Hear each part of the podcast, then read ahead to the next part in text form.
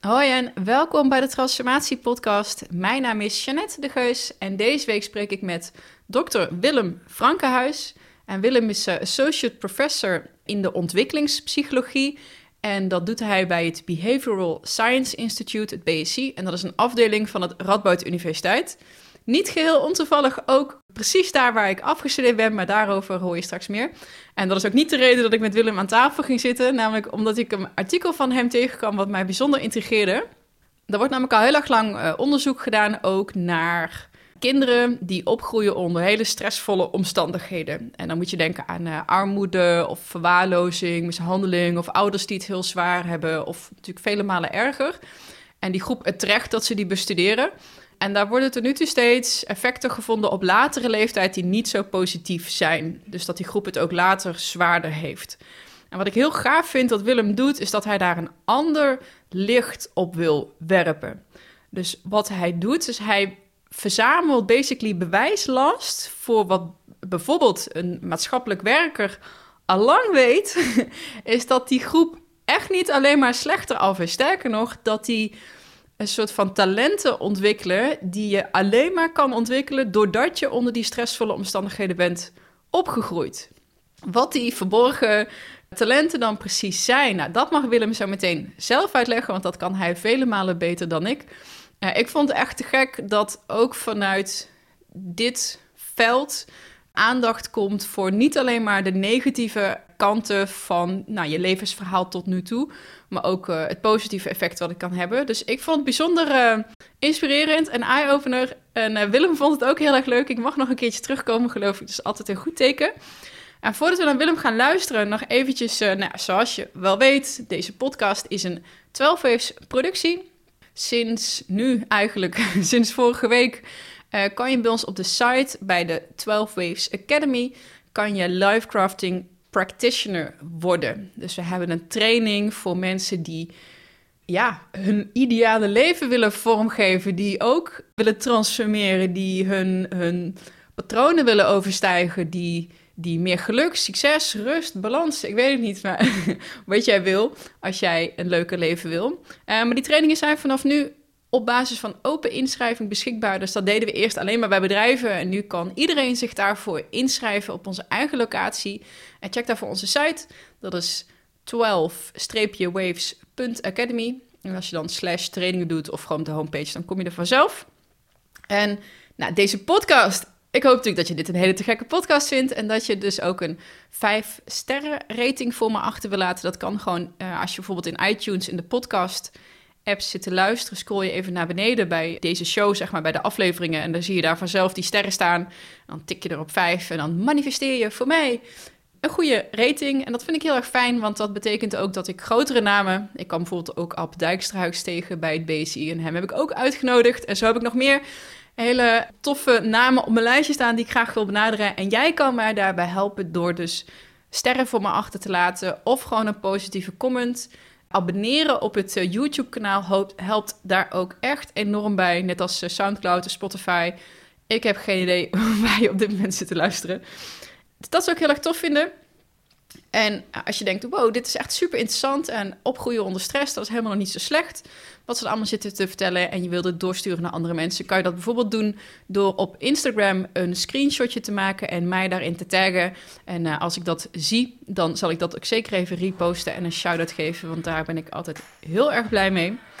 Dat was het voor wat betreft de intro. Geniet van deze aflevering en ik spreek je heel graag volgende week weer.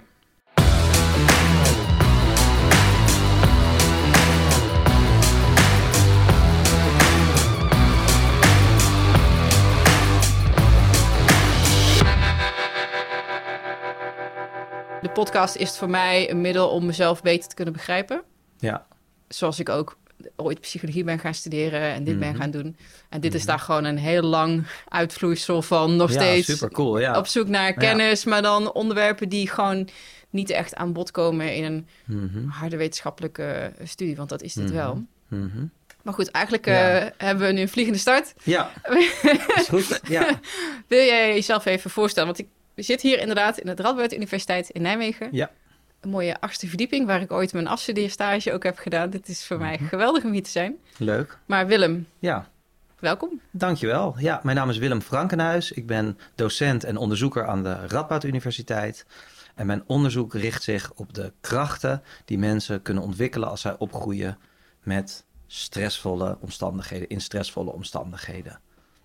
Oké, daar zit heel veel in wat we kunnen uitpakken, wat we zo meteen ook wel gaan doen. Want uh, stressvolle omstandigheden, ja. wat bedoel je daarmee? Klachten, wat dan? Ja. En het andere perspectief, hè, de positieve kant daarvan, daar is Mhm. vast ook een reden voor dat dat je aandacht heeft. Ja, Ehm, wat verst- nou, laten we eerst kijken, want we hebben het over ADHD ook, onder andere. Of nou, ja kan. Dat, dat is niet helemaal mijn expertise, Oh. maar e- meer de expertise waar ik meer eh, mee werk is eh, mensen die opgroeien in bijvoorbeeld eh, een relatieve armoedige omstandigheden, dus bijvoorbeeld economisch worstelen. En daar zijn allerlei psychosociale stressoren. Dat betekent, zijn mensen die, hebben veel, die, hebben, die worden meer blootgesteld aan geweld, hebben meer onvoorspelbaarheid. Kan ik vanavond wel genoeg eten op tafel zetten voor mijn kinderen? Krijg ik wel, heb ik wel een baan over drie maanden? Ehm, hè, bijvoorbeeld eh, eh, ouder-kindrelaties die heel stroef eh, lopen. Mensen die, die opgroeien met, in, stressvolle omstandigheden of voor een langdurige periode. Daar, daar, daar richt mijn onderzoek zich op. En het is wel zo dat bijvoorbeeld ehm, ADHD vaker wordt gevonden in mensen die in zo'n omgeving opgroeien. Ehm, maar mijn onderzoek is niet gericht zelf op ADHD. ja. Ja. Oké. Eh, eh, eh, is er een reden waarom je dat hebt los van elkaar getrokken? Of is dat gewoon te veel variabelen, Ja, te, te, te verwarrend om dat allemaal samen te nemen? ja. Ehm, nou, ik, ik, ik, ik ben geen klinisch psycholoog, ik ben een ontwikkelingspsycholoog. En ehm, mensen die ontwikkelingspsychologie bestuderen, die werken voor een belangrijk deel met, met kinderen die, eh, die opgroeien in, in, in vrij stabiele, eh, financieel, eh, in prettige omstandigheden levende kinderen. En hebben daar ontzettend veel over geleerd, natuurlijk, in de afgelopen decennia. Um, en er zijn ook veel ontwikkelingspsychologen die werken met kinderen die opgroeien in stressvolle omstandigheden. En, uh, en die stressvolle omstandigheden die komen meer voor bij mensen die opgroeien in, in, in financiële armoede. Maar die zijn er absoluut niet.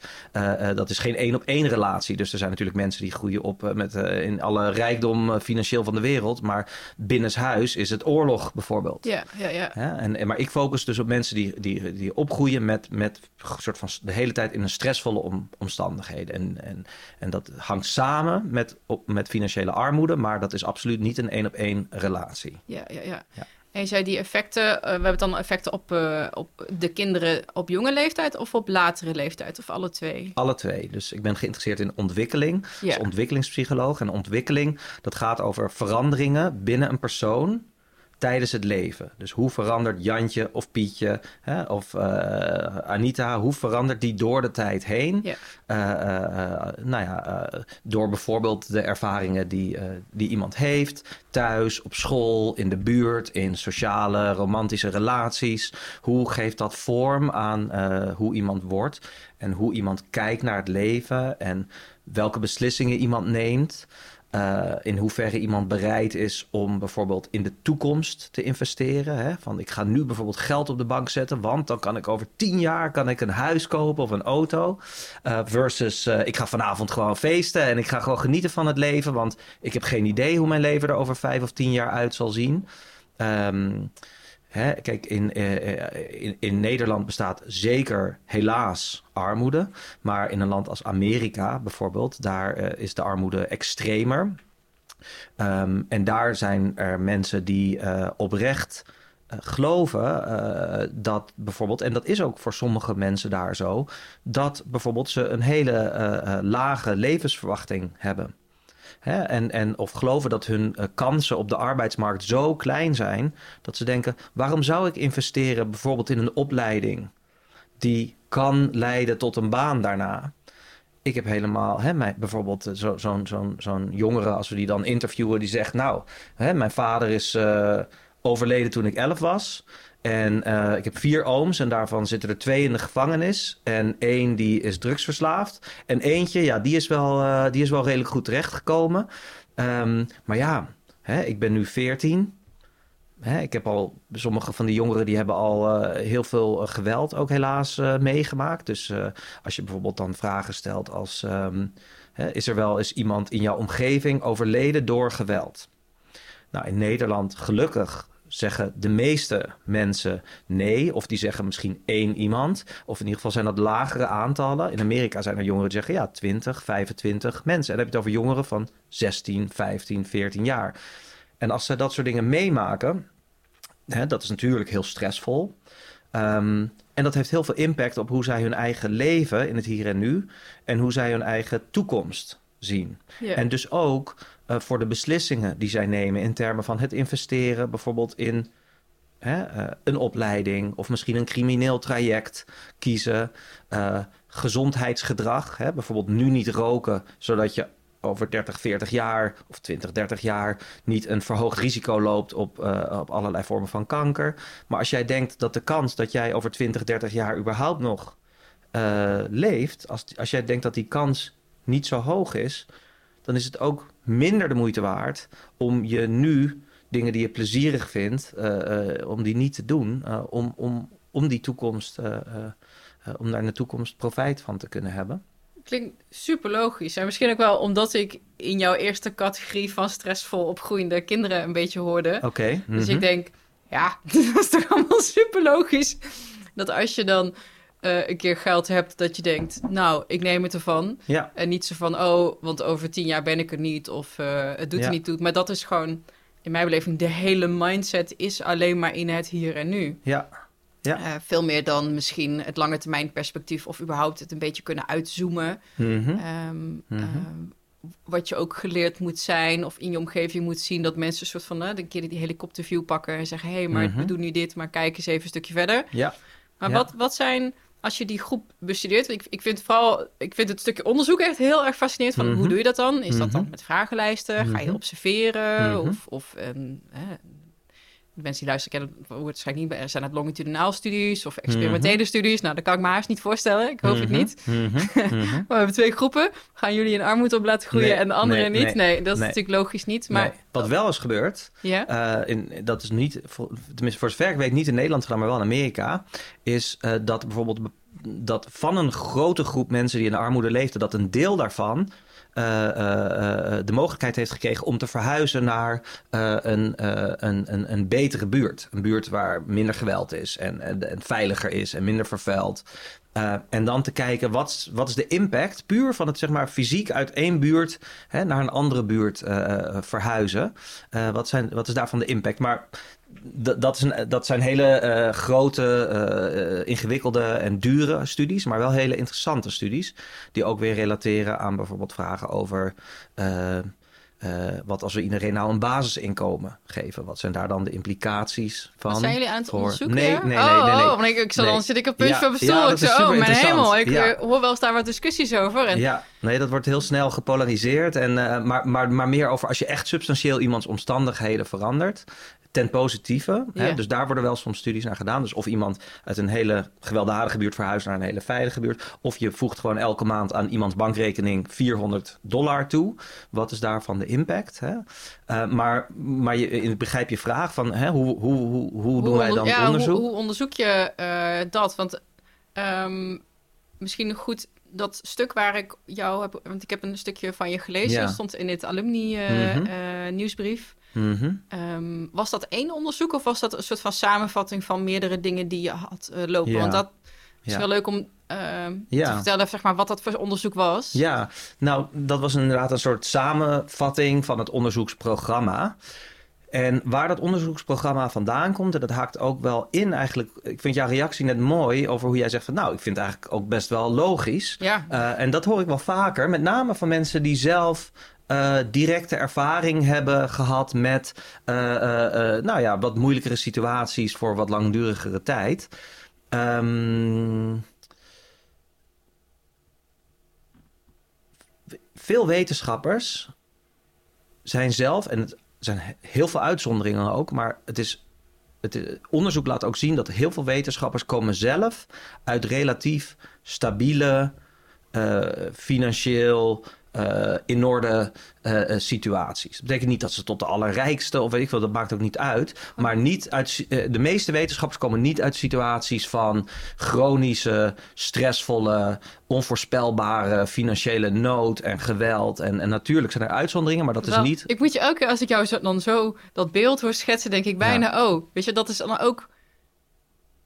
Uh, zo heb ik aan die kant dat niet ervaren, weet je. Dat, maar ik kan me heel goed voorstellen dat voor iemand die daar naar buiten, die daar naar kijkt... en voor wie dat een hele andere wereld is dan, dan uh, de wereld zoals ik hem kende... Ja. Ik denk, ja, dat was toch gewoon normaal? En alle mensen om mij heen, die waren ook zo. Ja. En uh, pas langzaamaan door studeren en andere groepjes mensen om je heen te assembleren eigenlijk... zie je pas van, oh, maar er is ook een ander perspectief. Er is ook een andere manier van kijken. En er is ook een ander leven om te, om te leven. Ja. Um, maar dus dat, dat, dat, dat viel me die, echt op, ja. Die, uh, die shift die jij dan maakt van... hé, hey, maar er zijn andere mensen die de wereld anders zien...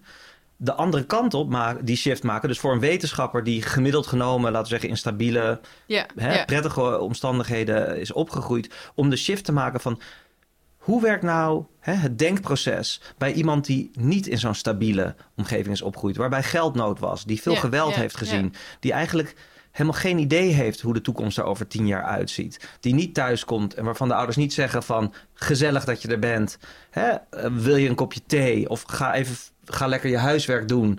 Uh, en kom straks uh, naar beneden als je klaar bent. En dan zorg ik dat er eten is. Hè, wat een hele prettige uh, omstandigheid is natuurlijk voor veel kinderen om in thuis te komen. Maar iemand die thuis komt met, bij een depressieve ouder. Of een gewelddadige vader. Of allebei. Mm. Of die vanaf, het, vanaf de bushalte naar huis Hè, bang is dat hij, hij of zij wordt aangevallen. Of mensen die in zo'n omstandigheid begrijpen hoe zij in het leven staan en, en wat voor vaardigheden zij ontwikkelen. Uh, dat is iets waar ik van vind dat de wetenschap, uh, wat, da daarin vind ik dat, we, dat de wetenschap wat tekort is gekomen. Ik vind dat de wetenschap te veel um, uh, een meetlat. Hè, deze mensen heeft gemeten met een meetlat die geen recht doet eigenlijk aan de vaardigheden. En, de, en, de, en, en, en de redenen die deze mensen hebben voor hun uh, voor hun uh, keuzes en ja. hun gedrag. En ze noemen het zelf ook een soort van street smart. Mm -hmm. um, mm -hmm. Dus ik ben heel benieuwd wat dan ook de reacties daarvan zijn. Ja. Andersom, want ja. ik ken die wereld natuurlijk ook wel. Want het zijn natuurlijk allemaal egootjes, net als dat wij dat ook allemaal zijn. Ja. Uh, dus dat, dat, polariseren zal, zal Mhm. ongetwijfeld nog steeds veel voorkomen. Mhm. Hoe- Ik, zou, ik kan me van een paar mensen misschien ook wel zo voorstellen hoe die dan hierop zullen reageren. Zo van, oh, Mhm. oh, komen zo ook eens even kijken Ja. hoe wij dat hier doen. Maar ik, oh, Nou, wij krijgen wel nee. positieve eh, reacties. Eh, en dat komt denk ik ook omdat eh, die, die meetlat die vaak gebruikt wordt... op die meetlat is het zo dat mensen die dus in die moeilijke omstandigheden opgroeien... vaak, gemiddeld genomen, er zijn altijd verschillen tussen mensen... maar gemiddeld genomen komen ze wat minder goed uit de bus... dan mensen die in een stabiele, veilige, et cetera, omgeving zijn opgegroeid. Uh, dus er wordt eigenlijk daarmee worden misschien uh, uh, een aantal eigenschappen waarin zij niet zo sterk zijn. Dus bijvoorbeeld misschien het plannen voor een lange termijn toekomst. Hè, dingen waarin ze misschien niet zo sterk zijn of waar ze misschien minder gemotiveerd in zijn. Wat niet hetzelfde is. Want het zou kunnen dat als ze wel daarin gemotiveerd zijn, dat ze het heel goed zouden kunnen. Maar dat ze misschien gewoon minder die motivatie hebben. Maar laat zeggen, dingen waar ze misschien dan minder goed in zijn of minder gemotiveerd, die worden vaak blootgelegd. En dan wordt er gezegd, hoe kunnen we dat nou voorkomen? Of hoe kunnen we dat nou verbeteren? En dan ligt de nadruk dus heel erg op wat iemand niet zo goed kan. En de vraag hoe we die persoon meer kunnen maken zoals mensen die dat wel goed kunnen. ja, ja, ja. Terwijl als, als wij mensen benaderen, uh, dan uh, is dat misschien maar een klein stukje van de focus, of misschien wel helemaal niet de focus. En dan is de focus meer op. Uh, hè, wat zijn de, de redenen en de drijfveren van deze persoon? En wat zijn de vaardigheden van deze persoon? Die deze persoon juist ontwikkeld heeft, omdat deze persoon in deze moeilijke omstandigheden uh, is opgegroeid. Uh, dus bijvoorbeeld, ik zal een concreet voorbeeld Ja, geven. ik was natuurlijk heel erg ik zat te wachten op Ja. eh, de, de, Nou, de dus vaardigheden die je nu eh, steeds nou, noemt. Ja. ik, ja, ik zal eerst een voorbeeld geven van iets dat uh, heel begrijpelijk is vanuit het perspectief van mensen die opgroeien in meer bijvoorbeeld onvoorspelbare situaties. En dan zal ik misschien daarna kunnen het hebben ook over de vaardigheden die daar dan Maar bijvoorbeeld, eh, er is een heel beroemd eh, eh, experiment met marshmallows. En dan geef je een kindje één marshmallow. En dan zeg je, nou, je kan deze nu opeten. Of over tien minuten of een kwartier. Dat verschilt een beetje per studie. als je hem niet hebt opgegeten, dan krijg je nog een tweede marshmallow erbij. Ja, nou, dan uh, heb je. Uh, hè, dan, en dan kijken mensen van uh, hoe is het, is het kindje in staat om, om te wachten op de tweede marshmallow? En dat is eigenlijk de veronderstelling dat het goed is als het kindje daartoe in staat is. En dat wordt verondersteld omdat het ook zo is dat kinderen die dat dus doen, die wachten op die tweede marshmallow. Als je 30 jaar later kijkt naar hun uitkomsten, dus bijvoorbeeld hebben ze een baan? Hebben ze een stabiele, stabiele relaties? Hebben ze verslavingen? Uh, hè, hebben ze in de gevangenis gezeten? Dat soort dingen. Dan zijn gemiddeld genomen zijn de uitkomsten iets beter voor mensen die uh, uh, in staat zijn om te wachten op die ja, tweede Gemeten met de maatstaf die je, die je net Precies, gemeten met de maatstaf van de mensen... Hè, die, die, die, ik bedoel, wat, wat zijn goede uitkomsten? Hè? Dat verschilt heel erg per eh, eh, eh, en ook hoe je het zelf ziet, denk ik. Hoe je dat zelf ziet. dus daar kan ik ook allerlei voorbeelden van geven van interessante ehm, verschillen daarin tussen mensen die in verschillende sociaal-economische lagen zeg maar, van de samenleving opgroeien. Ehm, maar dat kindje dat, dat, dat niet wacht op die tweede marshmallow, die gewoon denkt: hé, hey, ik heb hier nu een marshmallow, die eet ik nu meteen op. Hè? misschien denkt dat kindje wel bijvoorbeeld: de kans dat ik die tweede marshmallow ook echt krijg, dat zegt hij, die persoon die ik niet ken, die ik nu net hier voor het eerst ontmoet, die dat experiment doet met mij, die zegt dat. Maar in mijn omgeving zijn heel veel mensen helemaal niet zo heel erg betrouwbaar altijd. Hè, soms omdat ze niet, uh, uh, omdat er iets in hun eigen belang is om, om, om bijvoorbeeld dat dan niet te doen voor mij. Maar soms omdat ze het wel eigenlijk wel willen doen, maar het niet kunnen doen. Gewoon omdat ze de middelen bijvoorbeeld niet hebben. Of dat ze te druk moeten zijn met andere dingen die urgent zijn in hun leven. Um, dus ik neem, gewoon, ik neem gewoon nu wat ik nu kan pakken. En daar ben ik heel blij mee. slim. Ja, en dan zou je dus kunnen zeggen van eigenlijk is dat rationeel vanuit het perspectief van dat kindje. Maar dat wordt dan uh, in, de, in de literatuur wordt dat vaak weergegeven als een tekortkoming. Dus dat kindje is niet in staat om te wachten. Eigenlijk zou het goed zijn om te wachten, maar dat kindje is daar niet toe in staat. Is het nou. uh, dat, dat, instant gratification, maar het, het, vermogen om beloning uit te kunnen stellen? Want daar, dat is de, ik weet, ja. daar is één woord toch Ja, in het uh, Engels noemt men dat delay of gratification. Die, ja. Ja, ja. En um, uh, dat is natuurlijk even een perspectiefomslag. In plaats van dat je denkt van, oh, het is hè, goed voor iedereen en altijd ja, ja. om daarop te kunnen wachten. Dat je zegt van, misschien hangt het wel af van iemands context. En eigenlijk is het al zo dat ook heel vroeg in, in, in dat onderzoek, uh, toen dat, in de allereerste onderzoeken hiernaar, werd dat al erkend door de onderzoekers. Maar later is dat een beetje verloren gegaan en heeft de nadruk bijna alleen maar gelegen op, uh, oh, wat, wat, hè, dat sommige kinderen kunnen dat niet. Hoe kunnen ze nou... En er is nu weer meer aandacht voor, oké, okay, maar misschien hebben die, kindertjes wel, hebben die kinderen wel redenen om dat niet te doen. En er zijn zijn dus studies nu ook gedaan waarbij bijvoorbeeld de betrouwbaarheid van die experimentator. Hè, die wordt dan in een experiment gemanipuleerd. Dus die oh. experimentator die doet bewust, doet hij bijvoorbeeld bij sommige kinderen, uh, uh, maakt hij eerst een belofte, nog voordat de marshmallows komen, maakt hij eerst een belofte, hij of zij, uh, en die komt de belofte dan niet na. En daarna komt het marshmallow spelletje. Hè? En dan zie je dus dat kinderen heel slim eigenlijk, uh, of ze wel of niet wachten op die tweede marshmallow, aanpassen. Afhankelijk van, um, van of die experimentator betrouwbaar was of niet. Ja. En dan zie je dus dat gedrag dat eerst geïnterpreteerd werd als een tekortkoming, dat dat eigenlijk misschien wel heel goed begrepen kan worden op basis van de context van een individu. Um, en uh, dat, stel dat jij een van die kinderen bent, of dat jij een volwassene bent die niet wacht op de tweede marshmallow. En stel dat ik tegen jou zeg: um, uh, Jij hebt niet op de tweede marshmallow gewacht. Dat is een tekortkoming. Jij had wel op de tweede marshmallow moeten, pas, moeten wachten. Dat is een andere benadering dan dat ik zeg: Nou, jij hebt niet op de tweede marshmallow gewacht.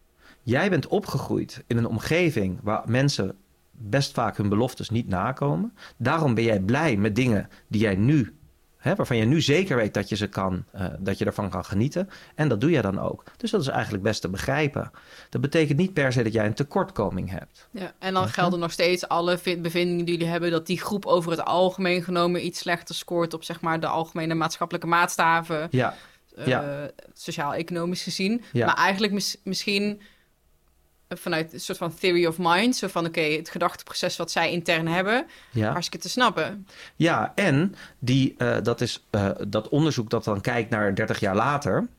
Daar is de laatste tijd, dat is niet ons onderzoek, dat, is onder, dat zijn onderzoekers in Amerika die daar heel mooi onderzoek naar hebben gedaan. Daar is heel veel discussie over geweest de afgelopen jaren.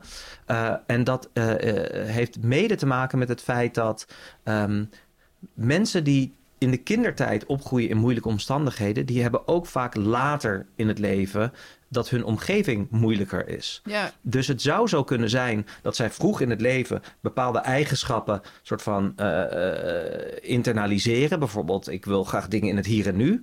Ehm, en dat dat bij hen blijft, ongeacht of de omgeving verandert of niet. ja, Of het zou zo kunnen zijn dat, dat zij wel in staat zijn om te veranderen. Hè, dat zij hun gedrag kunnen aanpassen aan de omgeving, ook tijdens het leven. Eh, maar dat hun omgeving gewoon eigenlijk altijd e- meer onvoorspelbaar blijft dan de omgeving van een kind dat opgroeit in eh, een stabiele, eh, vriendelijke Ja, ja, ja. omgeving.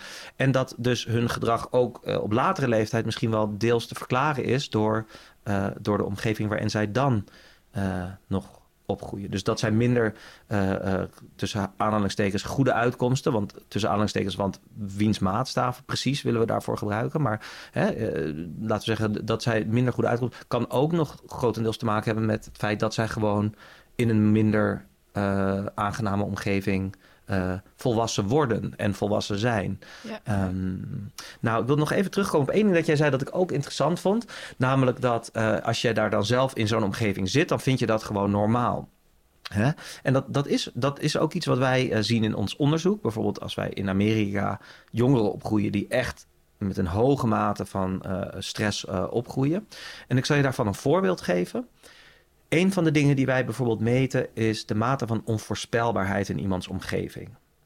En eh, dat meten wij. Dus, dus in, in hoeverre voelt iemand dat ze weten waar ze morgen bijvoorbeeld slapen? Hè, of ze dan, hè, dus de ene persoon zegt, ja, natuurlijk slaap ik gewoon morgen in mijn bed. En andere mensen zeggen, morgen, misschien bij mijn oom op de bank. Misschien ben ik morgen dakloos. Ik ben soms een paar dagen dakloos en dat verschilt een beetje. Dat hangt er een beetje van af of mijn moeder wel of niet bijvoorbeeld in staat is om mij, snap je? En misschien slaap ik wel bij een vriend of een vriendin. Ik heb eigenlijk, hè, nou dat is dan één dimensie van onvoorspelbaarheid. Eh, maar een andere dimensie is bijvoorbeeld eten. Hè, heb ik genoeg geld om eten te kopen? Nou, een andere dimensie is heb ik een baan over een baan. Dus eh, onvoorspelbaarheid gaat over allerlei verschillende dimensies. Ja. Ehm, dan eh, interviewen wij bijvoorbeeld, eh, dat was een vrouw in Amerika, eh, een jonge vrouw. En, eh, eh, en die, eh, die had aangegeven op een vragenlijst dat zij, eh, dat zij haar wereld als heel voorspelbaar beschouwt. Dat zij heel goed eh, eh, dingen kan voorspellen. En toen bleek in het interview dat we met haar deden... dat zij in de afgelopen, nou ik weet het niet exact... maar ik geloof in de afgelopen drie jaar was zij acht, negen keer eh, verhuisd. Hè? Dus dakloos en bij een oom en bij een vriendin. En, ehm, en toen, toen vroegen wij van hoe, hoe kan je dan zeggen dat het voorspelbaar is? Dat is toch juist onvoorspelbaar? Toen zei ze, nee, het is heel voorspelbaar. Want ik verhuis gewoon elke Ja. twee of drie maanden. Of, elke zes maanden, ik weet het niet exact. Maar ik verhuis gewoon eh, regelmatig. En ik heb een rugzak. En daarin heb ik gewoon alles wat ik nodig heb. En eh, nou, ik kan voorspellen dat ik vaak verhuis. Dus eh, vanuit een, zeg maar, een soort van op, observatorperspectief, hè, als je zo'n vragenlijst bekijkt, dan zegt zij, eh, nou, ik, ik heb een heel voorspelbaar leven, maar als je zeg maar een soort van hè, in haar huid, vanuit haar eh, ook subjectieve beleving is het Ja, voorspelbaar, ja. maar, maar het is ondertussen wel zo dat zij eh, ontzettend vaak verhuist en, en, en, en daarom bijvoorbeeld minder makkelijk weet, als zij bijvoorbeeld vrienden maakt in een bepaalde omgeving, van ben ik over zes maanden nog steeds met deze mensen? Hè? Of moet ik dan weer ergens opnieuw vrienden maken? Of, ehm, Ja. Ja, Ja. ik zou dan denken, super sterk. Dat lijkt me heel, iemand die juist ontzettend weerbaar eh, en veerkrachtig is. Als, je, als dat de uitkomst is van een paar jaar lang heel vaak verhuizen. mhm, Ehm, mhm. hoe, ehm, nou, ik, as usual wil ik drie vragen tegelijkertijd Ja, ja. stellen, sorry. Nou, dat is leuk, dat is mooi. Ehm, laat ik met het obvious beginnen. Is, hoe valide is het om naar Amerikaanse bevindingen te kijken en dat extrapoleren naar Nederlandse Ja. gezinnen, kinderen, jongvolwassenen? Ja, Eh, volgens mij is het ook ex- ja, Dat ik Mhm. natuurlijk niet, maar dat zeg is, je ook. Het is, extremer extremer daar. in Amerika. Ja, Ehm, dat wil niet zeggen dat het voor iemand zijn subjectieve beleving ook al... eh, ik ben nooit Mhm. dakloos geweest, maar Mhm. ik weet wel zeker dat ik in die groep Mhm. hoor. Dan denk ik, nou ja, zo extreem was het niet. Op sommige vlakken natuurlijk echt wel. Mhm. Is dat kopieerbaar, die uitkomsten? Mhm. Ja, ehm, nou heel goed onderzocht is, is dat nog niet. Eh, maar eh, tot nu toe zien we, eh, we zien zeker dat het dingen extremer zijn in Amerika dan, dan in Nederland. Maar dat is ook in ander onderzoek is dat duidelijk. De sociale ongelijkheid is daar ook heel veel groter. Ehm, En je hebt het steeds over context. Ik kan me zo...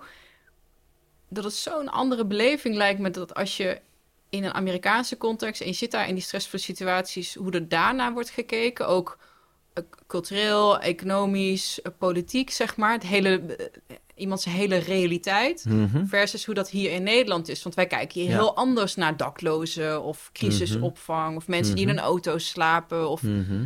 Ehm, ook omdat onze samenleving heel anders is en Ja. wij een hele andere ehm, ja, culturele context zeg maar, zitten Ja. dan zij. Ja. Dus, dus Ja, dus dat ik dan zijn- vraagtekens bij heb. ja. Van, Goh, interessant. Mhm. Is dat, eh, werkt dat dan toch nog hetzelfde? Ja, nou wat bijvoorbeeld hetzelfde is, is dat eh, mensen die opgroeien in, eh, meer, eh, met meer economische stress, die hebben, dat, dat hangt samen met, en dat, is een, dat betekent niet dat het voor iedereen waar is, maar wel dat, dat er een relatie tussen bestaat. Dat hangt samen met eh, eh, ook meer blootstelling aan instabiele relaties en met meer blootstelling aan geweld. Hè? En met meer, eh, meer ziekte, ook fysieke ziekte, fysieke ongemakken. Ehm, en dat, dat ge- geldt zowel in Nederland als in Amerika. Ja. En dat betekent dat mensen die eh, in Nederland in, in economische armoede opgroeien, die hebben dus meer blootstelling aan dat soort moeilijke omstandigheden. En dat geldt ook in Amerika. Nou is het zo dat me- mensen die dat in Amerika ervaren, daar is, is dat extremer. Snap je? Dus waar in Nederland mensen die blootstelling hebben aan geweld, misschien bijvoorbeeld vechtpartijen zien, of misschien ook zelfs als eh, een steekpartij bij, hè, zien. Of ik bedoel, de- en, natuurlijk wordt er ook wel eens in Nederland eh, is er vuur, eh, vuurwapengeweld, dus dat, dat komt wel voor. niet- ja, anders. Maar in Amerika zijn er buurten en daar lopen mensen gewoon, eh, daar lopen gewoon eh, best veel mensen met, met een pistool. En daar horen mensen gewoon met regelmaat eh, eh, eh, eh, hè, schoten afgevuurd worden in de avond. Daar kan je s'avonds uh, na bepaalde tijdstippen echt niet op straat komen. Behalve als jij zelf eh, hè, onderdeel bent van dat circuit misschien. Ehm, daar is het echt wel extremer. En um, dus wat vergelijkbaar is, is dat die economische armoede die hangt samen met die stressoren. Dat is ook in Nederland zo. Dat is ook, zeg maar, daar is goede data over. Ja. Maar wat nou, of nou de effecten uh, van die blootstellingen uh, ook vergelijkbaar zijn, daarover is wat minder bekend. En dat komt ook omdat er uh, weinig studies zijn waar zowel Nederlandse als Amerikaanse mensen in één studie Hmm. aan een vergelijkbare experiment worden blootgesteld. Maar het is bijvoorbeeld.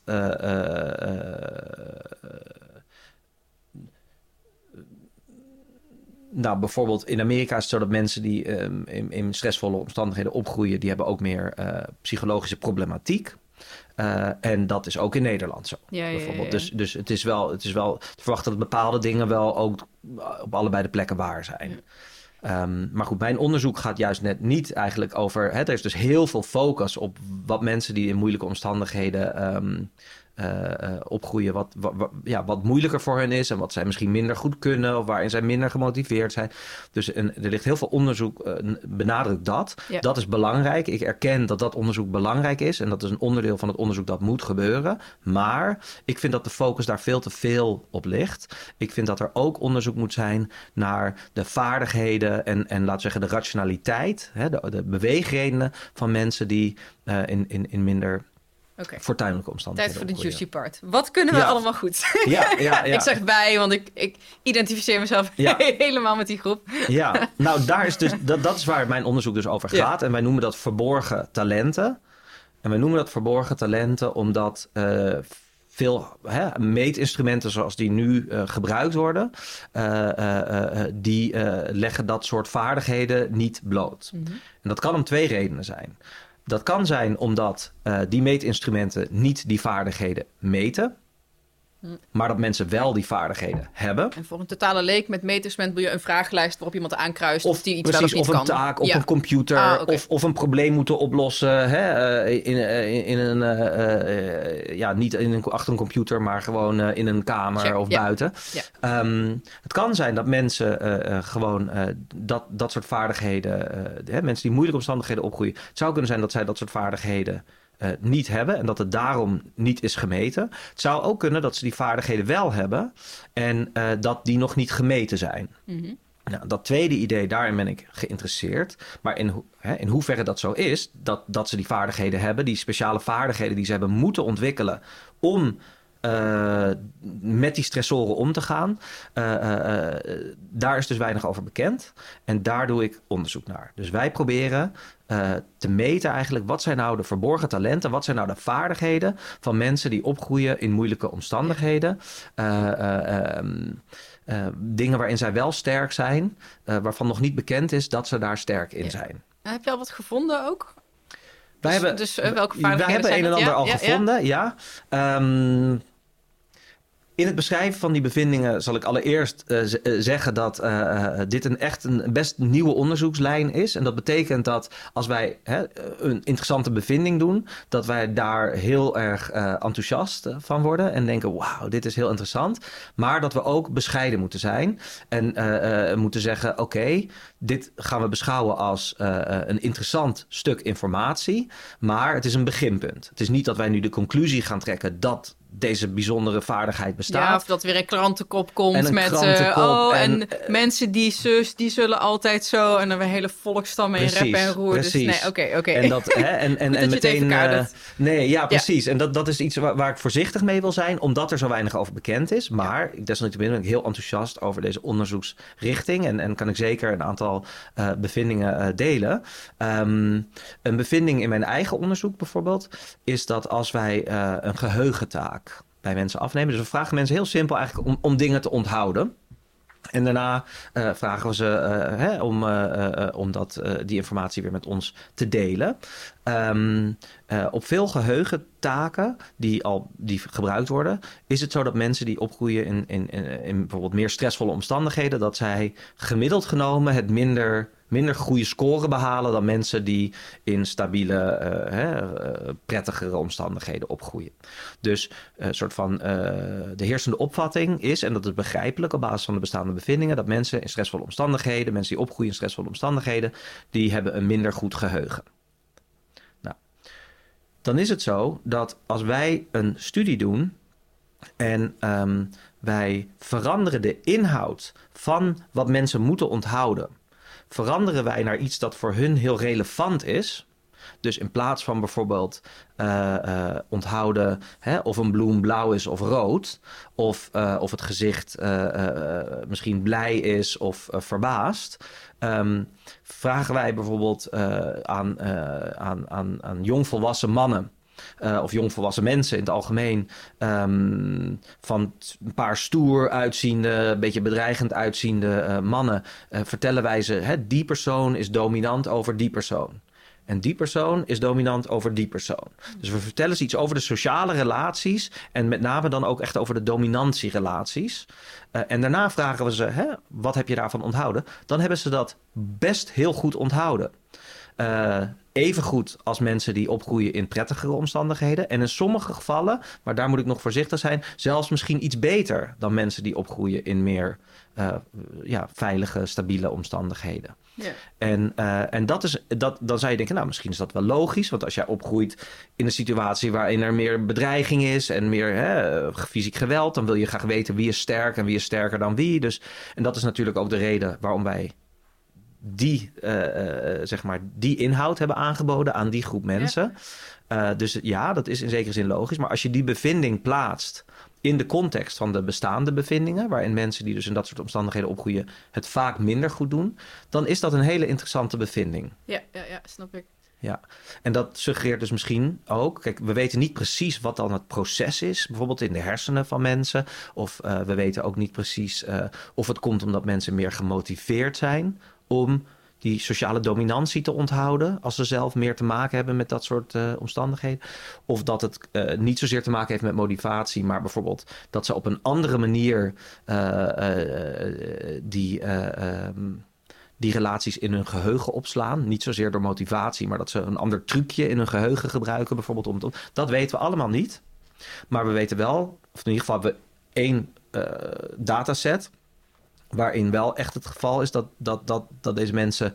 Uh, dat het uitmaakt. Ja, ja. Hoe die informatie wordt aangeboden. Als dat relevant is voor je. Mm -hmm. um, als ik naar mezelf kijk, je, je leert zeg maar door, uh, nou, ik heb daar, ik, in de podcast heb ik het heel vaak over mezelf. Niet Mhm. over mezelf, maar ik Mhm. vind het heel erg leuk om te spiegelen en om te kijken, oké, wat, wat, wat kan je als persoon dan met die informatie? Van, Ja. wat, wat doet dat Ja. met wat er bij mij dan allemaal gebeurt? Ja. Ja, super logisch dat als je eh, je vader eh, heel depressief is, 30 jaar lang, en je moeder d- moeite heeft met de hoofd boven water houden.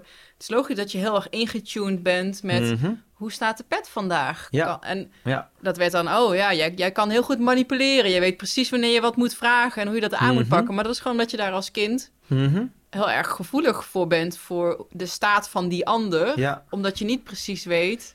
Ja. Eh, het is heel gevaarlijk om daar, om daar nou gevaarlijk, Ehm, om, om dat niet te doen. Die, Ja. Weet je, die theory of mind, van oké, Ja. als ik dit nu doe, dan gaat hij daar zo op reageren. Ja. Dus ik kan me voorstellen dat als je mensen vraagt de geheugentaak met dominantiehierarchieën en wie is hier de baas en wat gaat er hier gebeuren, ja. dat dat heel erg een mechanisme triggert wat, wat al een hele leven waarschijnlijk aan het oefenen zijn. Iemand veel minder die daar geen last van heeft. En, Ja.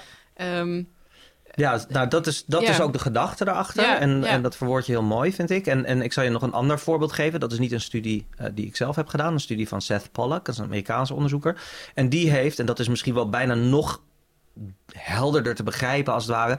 Die heeft mensen eh, eh, gezichten laten zien die langzaam van de neutrale staat, dus geen emotie uitdrukkend, veranderen naar ofwel blij, of naar boos, of naar verdrietig, of naar hè, verbaasd. Mhm, dus mhm. die gaan van een neutraal naar een emotie toe. En dan moeten mensen op het moment dat zij weten wat de emotie is, moeten ze zeg maar zeggen: Ik weet het, ja, ja. dit gezicht is boos. Hè? En dan ziet hij dus in zijn studies dat bijvoorbeeld kinderen die fysiek mishandeld zijn, die zijn eerder in staat om Ja. die boosheid te detecteren. En dat komt precies om wat jij zegt. In hun thuissituatie zijn zij natuurlijk heel alert. Van levensbelang dat Het je dat levensbelang, weet. ja.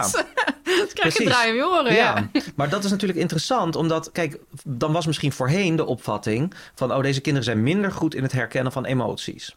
Hè? En dan blijkt ineens dat, hé, hey, maar wacht eens even, dat hangt af van de emotie. Hmm. En hetzelfde zou je kunnen zeggen over geheugen. Dus misschien hè, eh, eh, zijn ze minder goed in het onthouden van eh, allerlei positieve stimuli. En misschien ook wel van neutrale dingen. Maar dingen die voor hun heel relevant zijn, misschien kunnen ze die best wel goed. Ja, ja. Hè? En eh, wat jij benoemde, vind ik een, een, een, een, speciaal leuk voorbeeld. Omdat dat is precies waar we nu onderzoek naar willen gaan doen. Eh, maar het is een heel het is een moeilijk iets om, om onderzoek naar te doen. Namelijk dat vermogen om een soort van andere mensen aan te voelen. Hè? Jij Mm. beschrijft van hè, dat je ja, intuned met mensen. Dat je weet, dat is iets dat als wij... Wij doen ook interviews met eh, sociaal werkers... die bijvoorbeeld werken in die jeugdcentra eh, en scholen... waarin veel van dit soort eh, jongeren rondlopen. En dan doen wij interviews met ze... en dan vragen we ze, wat zijn nou in jouw ogen bijvoorbeeld... Hè, de, de problemen die deze jeugd moeten oplossen? Wat zijn nou de manieren waarop ze het oplossen? Wat zijn de krachten die jij ziet bij deze jongeren? Nou, dus we vragen op meer directe manieren naar die krachten van jongeren... maar ook op meer indirecte manieren, dat het niet... Hè, ehm, hoe losten die jongeren dat op? En dan kunnen we uit hoe zij vertelt dat de jongere dat oplost, kunnen we iets afleiden over de krachten die de jongere had. Ehm, daar komt dit wat jij beschrijft, komt steeds naar voren. Dit is echt, zoveel sociaal werkers hebben dit benoemd. Eh, die zeggen dan bijvoorbeeld, ehm, eh, heb ik verschrikkelijke ruzie gehad met mijn man, bijvoorbeeld, is dan een vrouw. En ehm, dan kom ik in het, eh, in het community center en dan eh, hè, in, in het jeugdcentrum. En dan eh, hebben mijn collega's hebben niks door en niemand heeft iets door. En dan komt een van die jongeren naar me toe die zegt... eh, Gaat het wel vervelend. goed met je? Ja, Ja. gaat wel goed met je? Vervelend. Je zit niet lekker in je vel vandaag, hè? En, en dat is eigenlijk heel aangrijpend en aandoenlijk, vind ik dat ook. En heel, het is aan de ene kant heel verdrietig dat misschien die persoon die gevoeligheid heeft ontwikkeld vanwege moeilijke omstandigheden. Maar het is ook iets heel moois dat iemand dat kan. En daar moeten we ook waardering voor hebben. Dat moeten we erkennen als een vaardigheid. Ja, ik vind het zoals inderdaad alles behalve Ja, Ja. Eh, zielig. Ik ehm, Ja. heb eh, F- eh, Flourish eh, niet eens zo heel lang geleden gelezen. Eh, Mhm. Martin Seligman, de, een Mhm. van de grondleggers volgens mij van de positieve psychologie. Ehm, het post-traumatic growth syn- syndroom. Ja. Eh, ik geef ook wel eens lezingen Ja. over stress. Dan hebben we het over stress mindset. Want daar zijn ook Mhm. allemaal hele, hele mooie ehm, bevindingen. Is dat als je mensen uitlegt dat je... Mhm. eh, we, hebben de baan die naar cortisol en slecht en, en, en burn-out. Iedereen Mhm. weet dat, oh, stress is slecht. Maar als je Mhm. dan een interventie doet en je legt ze uit... maar hey, eh, stress kan je ook ontwikkelen. Daar kan je door groeien, daar leer je van. Nou, dat is het perspectief wat ik ook mezelf heb aangeleerd, aanwend. Ik weet niet is in mijn leven is gekomen. Mhm. Ehm, dat als ze dat eenmaal zien en weten en dat voor zichzelf ook zo gaan bestempelen, dat Mhm. ze ehm, ook volgens mij zelfs in hormoonwaarden, dus DHEA en cortisol, Mhm. dat er gewoon afwijkingen te vinden zijn, puur door het perspectief wat je hebt. Oh, eh, wat kan ik met stress? Of wat is het gevolg van deze stressvolle situatie die er nu is? Mhm. Fascinerend. Mhm. Ehm, Ja. Ehm, Ja. Dan weet ik af van wat ik eigenlijk wilde eh, vragen. Oh, het, het post-traumatic growth. Mhm. Daar heeft ook met posttraumatisch stress, dat kent Mhm. iedereen. En oh, inderdaad, zielig als je dan zo opgroeit en dan hè, kan je iets minder goed mee. En dat, een beetje Mhm. dat, dat beeld wat dan zo wordt Mhm. geschetst. Maar denk ik, dat is toch eigenlijk super onlogisch. Of het is heel erg raar dat dat perspectief van ja, maar daar, daar leer je toch van, daar groei je van. D- Weet je, Mhm. de, de, de diamonds are born under pressure. Denk, nou, de popcultuur zit er vol van. Weet je, Mhm. niet alleen de popcultuur, maar kijk naar de Spartanen, hoe, hoe Mhm. hard die werden getraind. En Mhm. Spartaans, en daar word je hard van en daar word je Mhm. sterk van. Ja. Zo van, Ja. maar dat is er wel altijd al geweest, dat perspectief. Is het dan Mhm. gewoon de wetenschap die dan daar gewoon niet, niet naar heeft Ja. gekeken of zo? Nou, kijk, het is natuurlijk een heel, eh eh dat zeggen, en zoals zoveel dingen in het leven, ingewikkeld eh, probleem, eh, ingewikkelde vraag. Ehm, eh, en, en, en, en ik zou ook wel allereerst willen zeggen van, hè, van eh, kijk, het, eh, dat- eh, het is ook echt heel vervelend voor mensen om met ontzettend veel stressoren op te groeien. Hè? En zelfs als ze bepaalde krachten misschien daaruit kunnen ontwikkelen, eh, eh, dan als die mensen misschien zouden kunnen kiezen eh, voordat die stressoren, Sure, dat ze zouden ze waarschijnlijk zeggen liever niet, weet ja, je wel. ja, ja. Maar een gegeven is natuurlijk dat er toch veel mensen zijn die daar wel mee te maken hebben. Eh, eh, en dan is het dus heel belangrijk om de negatieve aspecten daarvan goed te begrijpen, te voorkomen, hè, te genezen of de mensen te helpen daarmee om te gaan. Dat is allemaal heel erg belangrijk en dat gebeurt voor ontzettend. beleidsvorming, dat Voor beleid dat en voor- onderbouwd kan zijn. Ja, Ja, dus ik wil dat ja. allemaal heel graag herkennen. Ik wil heel graag niet een contrast opzetten van hè, eh, mensen doen alsof het negatief is, maar ik denk dat het positief is. Ik denk dat het ook negatief is om op te Ja. groeien met heel veel stressoren. Maar ik denk ook dat het interessant is om te kijken wat zijn nou de krachten die mensen daaruit halen. En ik focus zelf daarin. eh, eh, als ik het dan heb over krachten, focus, focus ik op vaardigheden. Ja. Hè, dus bijvoorbeeld geheugenvaardigheden. Of het kunnen begrijpen van andere mensen vaardigheden. Ik En, een paar ehm, creativiteit, Ja. handelen. Ja, nou, ik wilde nog ja, even iets zeggen over oh, die. eh, nee, ja, omdat, eh, eh, over dat, dat je invoelen. Hè, dat, wa- waarom dat namelijk heel ingewikkeld is, is dat zeggen dan heel veel van die sociaal werkers. En jij zegt het, dat nu ook, hè, dat dat dus een kracht is die mensen soms ontwikkelen. Ehm, en we hebben dus, laten we zeggen, ehm, wat dan in de wetenschap wordt genoemd kwalitatieve data. Die dat ondersteunt, namelijk interviewdata. Ehm, maar wat dan interessant zou kunnen zijn, is, en dat is wat wij dan gaan proberen, en is, is, is, is om dat ook te meten met niet alleen maar in de ogen van eh, mensen die met de jeugd interacteren, zoals sociaal werkers, maar een meetinstrument dat dat invoelingsvermogen kan, eh, ja, kan kwantificeren, dus Ja. kan vaststellen. En waarom is dat nou interessant? Dan wil ik graag ook nog een stapje terug doen. Dus stel dat ik een sociaal werker ben.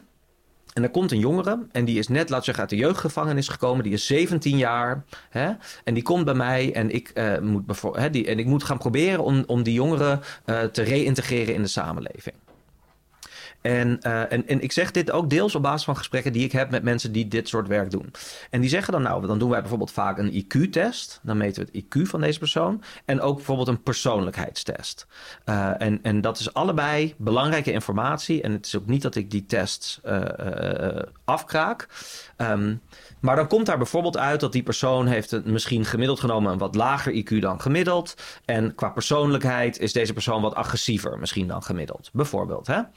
Um, maar die sociaal werker die heeft dan bijvoorbeeld de intuïtie, het gevoel op basis van allemaal sessies die die persoon heeft gehad, dat die persoon wel heel sterk is in het begrijpen van andere mensen. Of heel creatief is in het oplossen van problemen. Of heel goed kan onderhandelen. Hè? En dan uh, uh, zegt zo'n sociaal werker: Ik gebruik dat soms wel eens in mijn advies aan deze jongeren. Dan zeg ik: Is het niet iets voor jou om bijvoorbeeld, ik zeg maar wat, makelaar te worden? Want daarin moet je ook veel onderhandelen. En dat is iets wat jij heel goed kan, bijvoorbeeld. Uh, maar dan zegt die sociaal werker: Dat doe ik dan op basis van mijn intuïtie.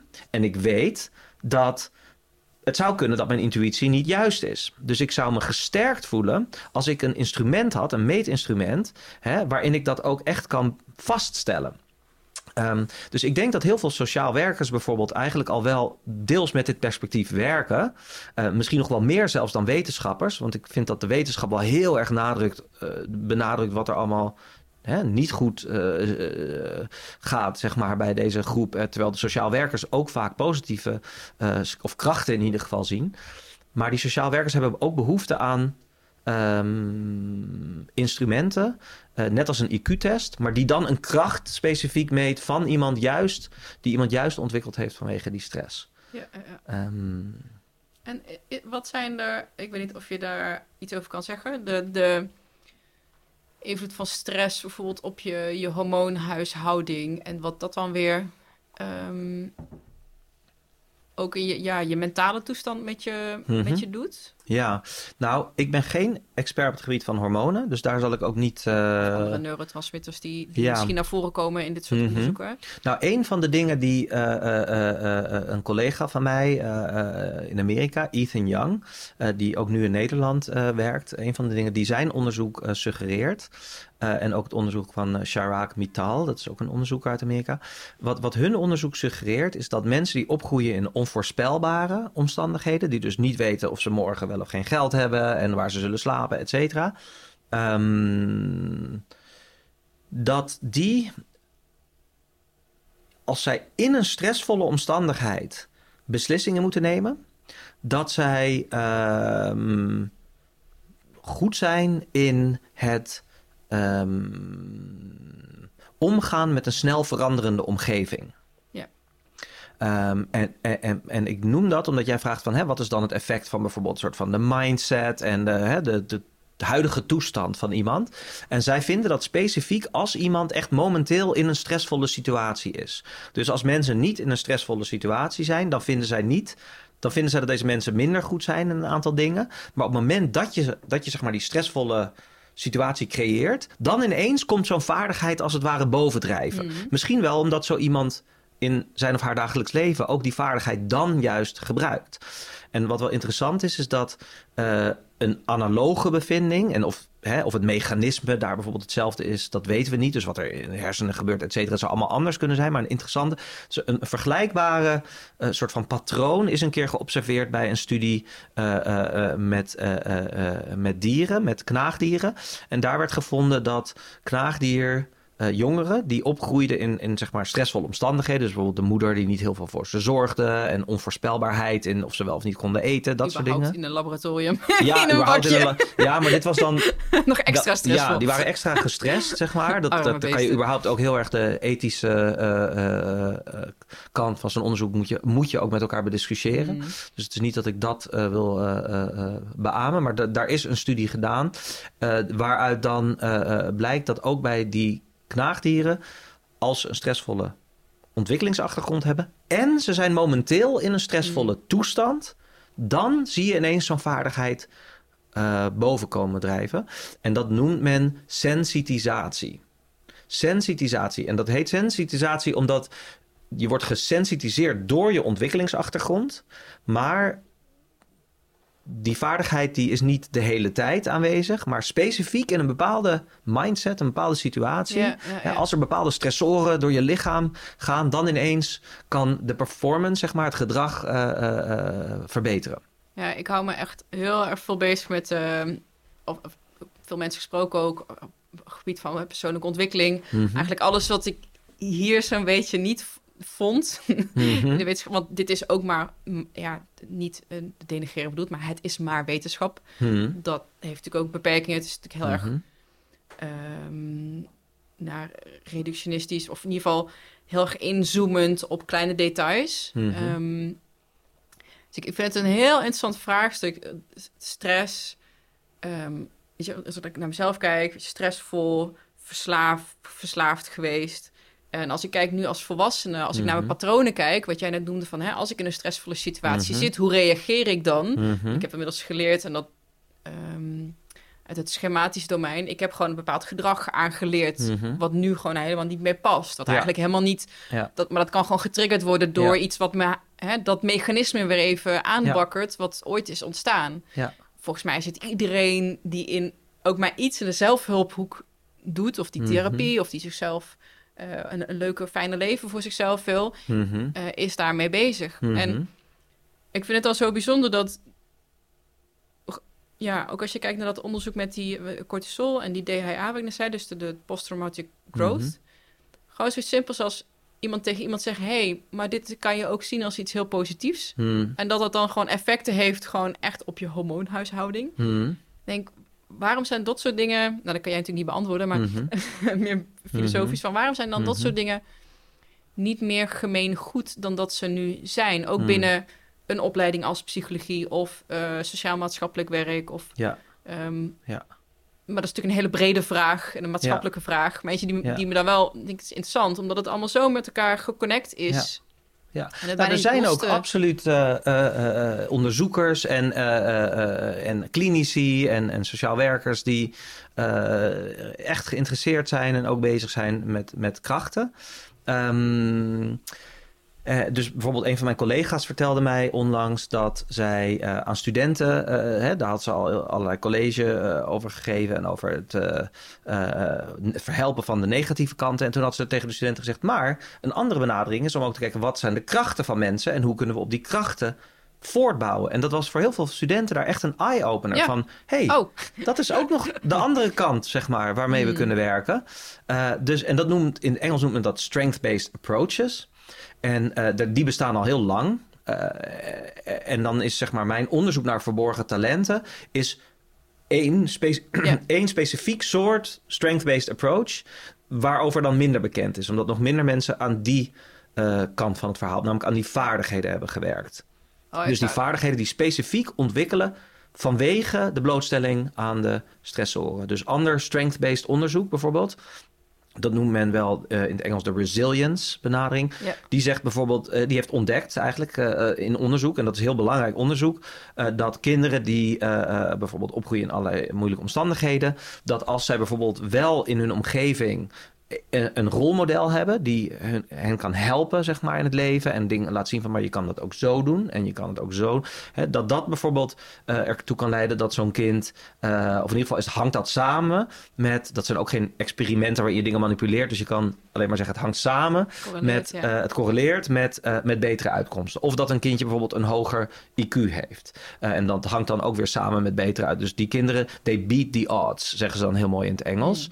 Ehm, dus dat onderzoek bestaat al lang.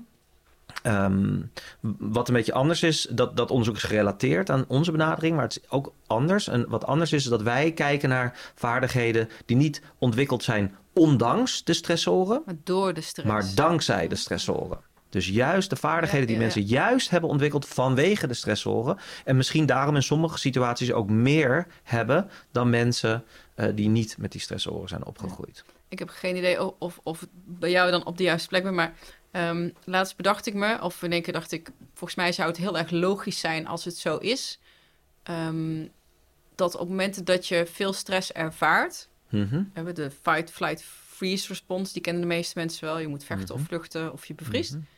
Maar dacht ik, basically staat mijn ego geen idee of ik daar met jou, eh, of, of dat hier een soort van dingen zijn waarover gesproken wordt. Ehm, volgens mij staat die dan ook in een meer defensieve houding. Mhm. Makes perfect sense to me als ik erover Mhm. nadenk. Van ja, Mhm. als het lijf in vechtmode staat, doordat ik stress ervaar, kan ik me heel goed voorstellen dat mijn ego, wat iedereen heeft, meer defensief is en dus ook hele andere interacties eh, aangaat. Mhm. Überhaupt heel anders in het leven staat dan wanneer het minder defensief is. Mhm. Want dat, het zijn allemaal kettingreacties. Als ik naar jou heel erg defensief ben in dit gesprek, Ja. reageer erop, Ja. reageer ik weer Ja. op. En zo Ja, zeker. multiplied dat natuurlijk eh, gigantisch. Nou, en dat noemen, noemen mensen soms ook feedback loops. oh, dat ja, oké. En, eh, eh, en dat, een voorbeeld daarvan, ik be- bespraken net even de, de, de situatie dat soms kinderen die opgroeien bijvoorbeeld met fysieke mishandeling, dat die meer accuraat soms zijn in het herkennen van emoties. Dat wordt niet altijd gevonden. Sorry, specifiek in het herkennen van boosheid. Dat wordt niet altijd gevonden, maar dat, dat is wel een paar keer gevonden. Ehm, maar iets anders dat veel vaker nog is gevonden, een betrouwbaardere bevinding, is dat mensen die opgroeien met veel geweld, bijvoorbeeld fysiek mishandelde kinderen of die veel gepest zijn, als die een, eh, eh, iets zien wat een beetje vaag is, een beetje onduidelijk. Dus bijvoorbeeld iemand die kijkt op een manier dat hè, het is op meerdere manieren te interpreteren. Dus aan de andere kant van de bar staat iemand en die kijkt naar je. En het is niet helemaal duidelijk wat die persoon nou precies eh, uitdrukt in haar, zijn of haar gezicht. Dat ze die ambiguë ja, observatie, zeg maar, interpreteren als boos. Als boosaardig of, of aanvallend of gewelddadig. Of, eh, hè, eh, eh, en dat komt omdat iemand een geschiedenis heeft gehad... waarin inderdaad vaak eh, eh, geweld eh, is geweest. En eh, zo iemand interpreteert dat dan... eh, die eh, interpreteert die ambiguë eh, observatie eigenlijk als eh, eh, boosaardig. Ja. Die reageert dan zoals iemand zou reageren als er echt iemand boosaardig is. Ja. Eh, nou ja, dat kan hè, fight, flight, eh, fight. Of, eh, wat je dan vaak ziet is dat de, de reactie, die kan bijvoorbeeld of zijn dat iemand zich heel erg dus terugtrekt. Maar kan dus ook zijn dat iemand daar ag- agressief op reageert. Dus die zegt bijvoorbeeld, moet je nou? Snap je? En die andere persoon zegt, Waar heb je het Waar over? heb jij nou over, weet je? Ik sta hier gewoon. En, Mm. en dat kan escaleren. Ehm, en dan wordt het dus een, eh, een soort self-fulfilling prophecy. Dus waar eigenlijk geen boosaardigheid was, ontstaat dan boosaardigheid vanwege het kader dat iemand eh, inbrengt.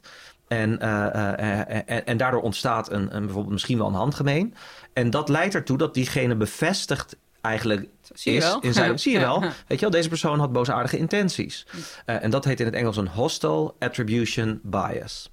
En daar is veel onderzoek naar. Ook in Nederland is daar veel onderzoek naar. Bijvoorbeeld in Utrecht, eh, aan de Universiteit van Utrecht. En dat is heel erg belangrijk, omdat dat kan namelijk allerlei negatieve spiralen in Mhm. gang zetten. Ehm, En ik denk dan meteen, oh, als eh, dat kan zich ook naar jezelf Ja. keren. Want Ja. als ik naar, ik ben erg druk meestal in mijn bovenkamer. Ik Mhm. vind de relatie sowieso stress, verslaving, depressie en Mhm. ADHD. mhm, Ja, er zitten zoveel, dat is zo intertwined bijna. Eh, dat is wel het profiel wat ik dan heb. en denk ik, sommigen uiten dat heel erg naar buiten. Dat, die, die drukte ook. Ehm, mijn hoofd, als dat druk gaat, dat kan zich... Ik zie dat tegenwoordig voor me. Het is bijna een soort van eh gehaktmolentje... Mhm. Wat, wat zichzelf op wil eten of zo. hè. Dus dat Mhm. mijn hersenen gaan erin en er komt Mhm. gehakt uit. Mhm. Eh, omdat het niks beters heeft om tegen te vechten. Omdat het continu, zeg maar, Mhm. staat om Mhm. ehm, me te beschermen... of te behoeden ergens voor. Dat het op Mhm. zichzelf aanvalt. Mhm. Ehm, waardoor je eh, heel erg negatief over jezelf denkt... of over Mhm. alles wat in de toekomst nog gaat gebeuren. Oh, zie je wel, weet je wel... Dat, Mhm. eh, ga daar falen of ik ga het niet goed doen of ze gaan het niet leuk vinden of whatever. Ja. Ehm, dus is dat dan ook een hostile eh, attribution bias als je dat op, je, op jezelf betrekt? Mhm. Of weet je daar... Of, Nou, ik zou dat. eh, zou ik, eh, ik zie heel erg goed waarom je dat vergelijkt. En ik denk dat dat wel ook een voorbeeld is van een feedback loop. Dus stel dat je bijvoorbeeld daardoor eh, ehm, denkt van. In plaats van dat ik deze eh, spannende uitdaging aanga, ik zeg maar wat, een nieuwe baan of eh, hè, iets, iets, iets ga ondernemen dat ik leuk vind. Omdat je worstelt op dat moment, denk je van ik, ik blijf gewoon. eh, ja, dat kan hè? je, kan, kan je heel... Mij niet hoor, maar ik, ik- zou je heel depressief kunnen maken. Ja. Of, of, of Ja. passief. Of, Ja. of heel erg Ja. eh, self-shaming. Of, of Ja. de- je- gewoon jezelf echt het heel erg... vastzitten in jezelf. Ik denk dat de meeste Ja. mensen het zo, Ja, zo en zullen omdat je dan dus misschien ook zeg maar een soort van inactiever wordt, word je ook niet daaruit gehaald, omdat je niet dan dus positieve bevestiging eh, eh, krijgt van Mm. de mensen hè, om je heen. Dus stel dat jou, jij voelt je even, laten we zeggen op een schaal van 10 voel jij je een 3. Maar de rest van de wereld ziet jou eigenlijk als, eh, als een 7, als een leuk iemand met wie je graag om. En, en jij voelt je een 3. Stel dat jij naar buiten zou gaan en met mensen zou. zou hè, dan zouden mensen jou positieve. Hè, zouden ze je als een 7 benaderen. Dan zou je misschien weer uit die 3 eh, komen. Maar als jij thuis blijft zitten in je kamer en jezelf zit op te eten. eh, dan zou het kunnen dat je blijft hangen in die 3. En misschien nog wel afdaalt naar een 2. Ehm, ik ben geen expert op het gebied van depressie. Mhm. Eh, dus ik zou daar niet te veel over willen zeggen. Maar dat soort feedback loops eh, kunnen wel bestaan. Ik zou dat niet een hostile attribution bias noemen. Want dat gaat specifiek echt over het... eh, eh, ja, het ja, de eh, omgeving interpreteren. en precies, ik denk, ja, je, kan- ik, precies. kan mijn omge ik kan mijn bewustzijn richten op mijn omgeving buiten mij. Of ik kan Ja. mijn bewustzijn richten op Ja, alle gedachten die er door mijn hoofd Ja. spoken. ja, Ja. Wat, ik- wat ik nog heel interessant vond, wat ik had Mhm. opgeschreven, is een van de vaardigheden die jij, of die jullie eh, onderzoeken, is ook creativiteit.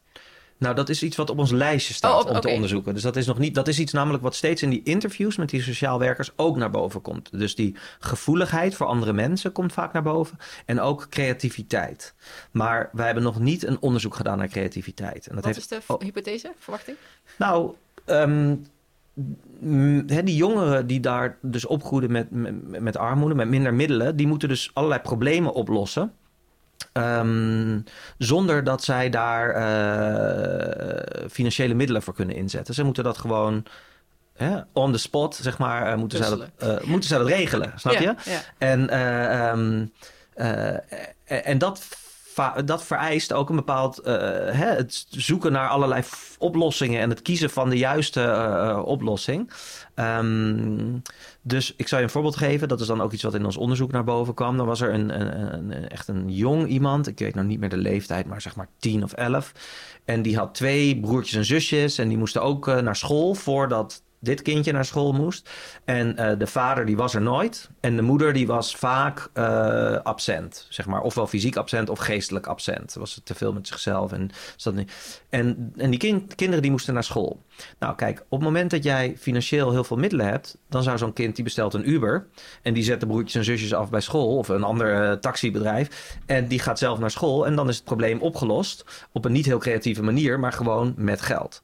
Dit kind had dan wel bijvoorbeeld misschien 3 dollar of 5 dollar... maar dat was niet genoeg om metrokaartjes te kopen voor al die kinderen. Dus dit kindje ging dan nadenken van... als ik nou misschien vraag of ik kan meerijden met die persoon... daar naartoe, naar dat station... dan kan ik, is het metrokaartje goedkoper... en dan kan ik zus of zo. En die kwam dan uiteindelijk op school... zeg maar om kwart voor negen of zo. Hè? En, eh, en die had ondertussen al allerlei taken op zich genomen. Sommige van die kinderen doen ook bijvoorbeeld de was thuis... of die koken thuis, omdat die ouders daar bijvoorbeeld niet echt meer toe in staat zijn. Eh, die hebben allerlei verantwoordelijkheden... en allerlei problemen al moeten oplossen op jonge leeftijd... Eh, die andere kinderen die in meer fortuinlijke omgeving met meer steun van ouders opgroeien, niet hebben hoeven oplossen. Ja. En je zou je kunnen voorstellen dat zij dus al oplossingen kunnen genereren, dus creatief zijn voor problemen. Eh, eh, waarin andere kinderen dat misschien niet kunnen. Maar hoe dat dan te meten, dat is de hele tijd weer een probleem. Want als wij dan gaan zoeken naar creativiteitstaken, hè, want wat gebruiken psychologen dan om creativiteit te meten? Of om het vermogen om te onderhandelen bijvoorbeeld eh, te meten? Eh, dan vinden wij vaak dat de meetinstrumenten eh, eh, misschien wel geschikt zijn voor mensen die eh, eh, eh, ja, in meer stabiele, eh, prettige omgevingen zijn opgegroeid.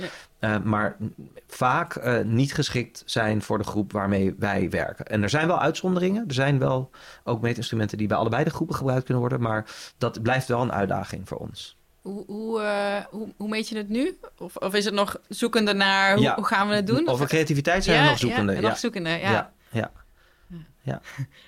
Succes. Ja, dankjewel. Maar, maar het is interessant, want Ja. het komt dus steeds naar boven in die interviews met die sociaal werkers. Dat betekent natuurlijk niet dat het waar is. Dat betekent dat is een perceptie van de sociaal werkers. Maar daar, daar, dat is, betekent wel dat, dat vinden wij wel een inspirator of inspiratie voor een, eh, om daar een onderzoek naar te ontwikkelen. Hè? Volgens mij wordt er in Maastricht momenteel of gaat onderzoek gedaan worden naar de effecten van microdoseren op creativiteit. Oké. Geen idee wat zij ehm, gebruiken om creativiteit te meten. Ja, want je zou dan weer een vorm van creativiteit willen, een taak willen hebben die zeg maar echt aansluit bij de realiteit, de beleefwereld ehm, van deze eh, groep.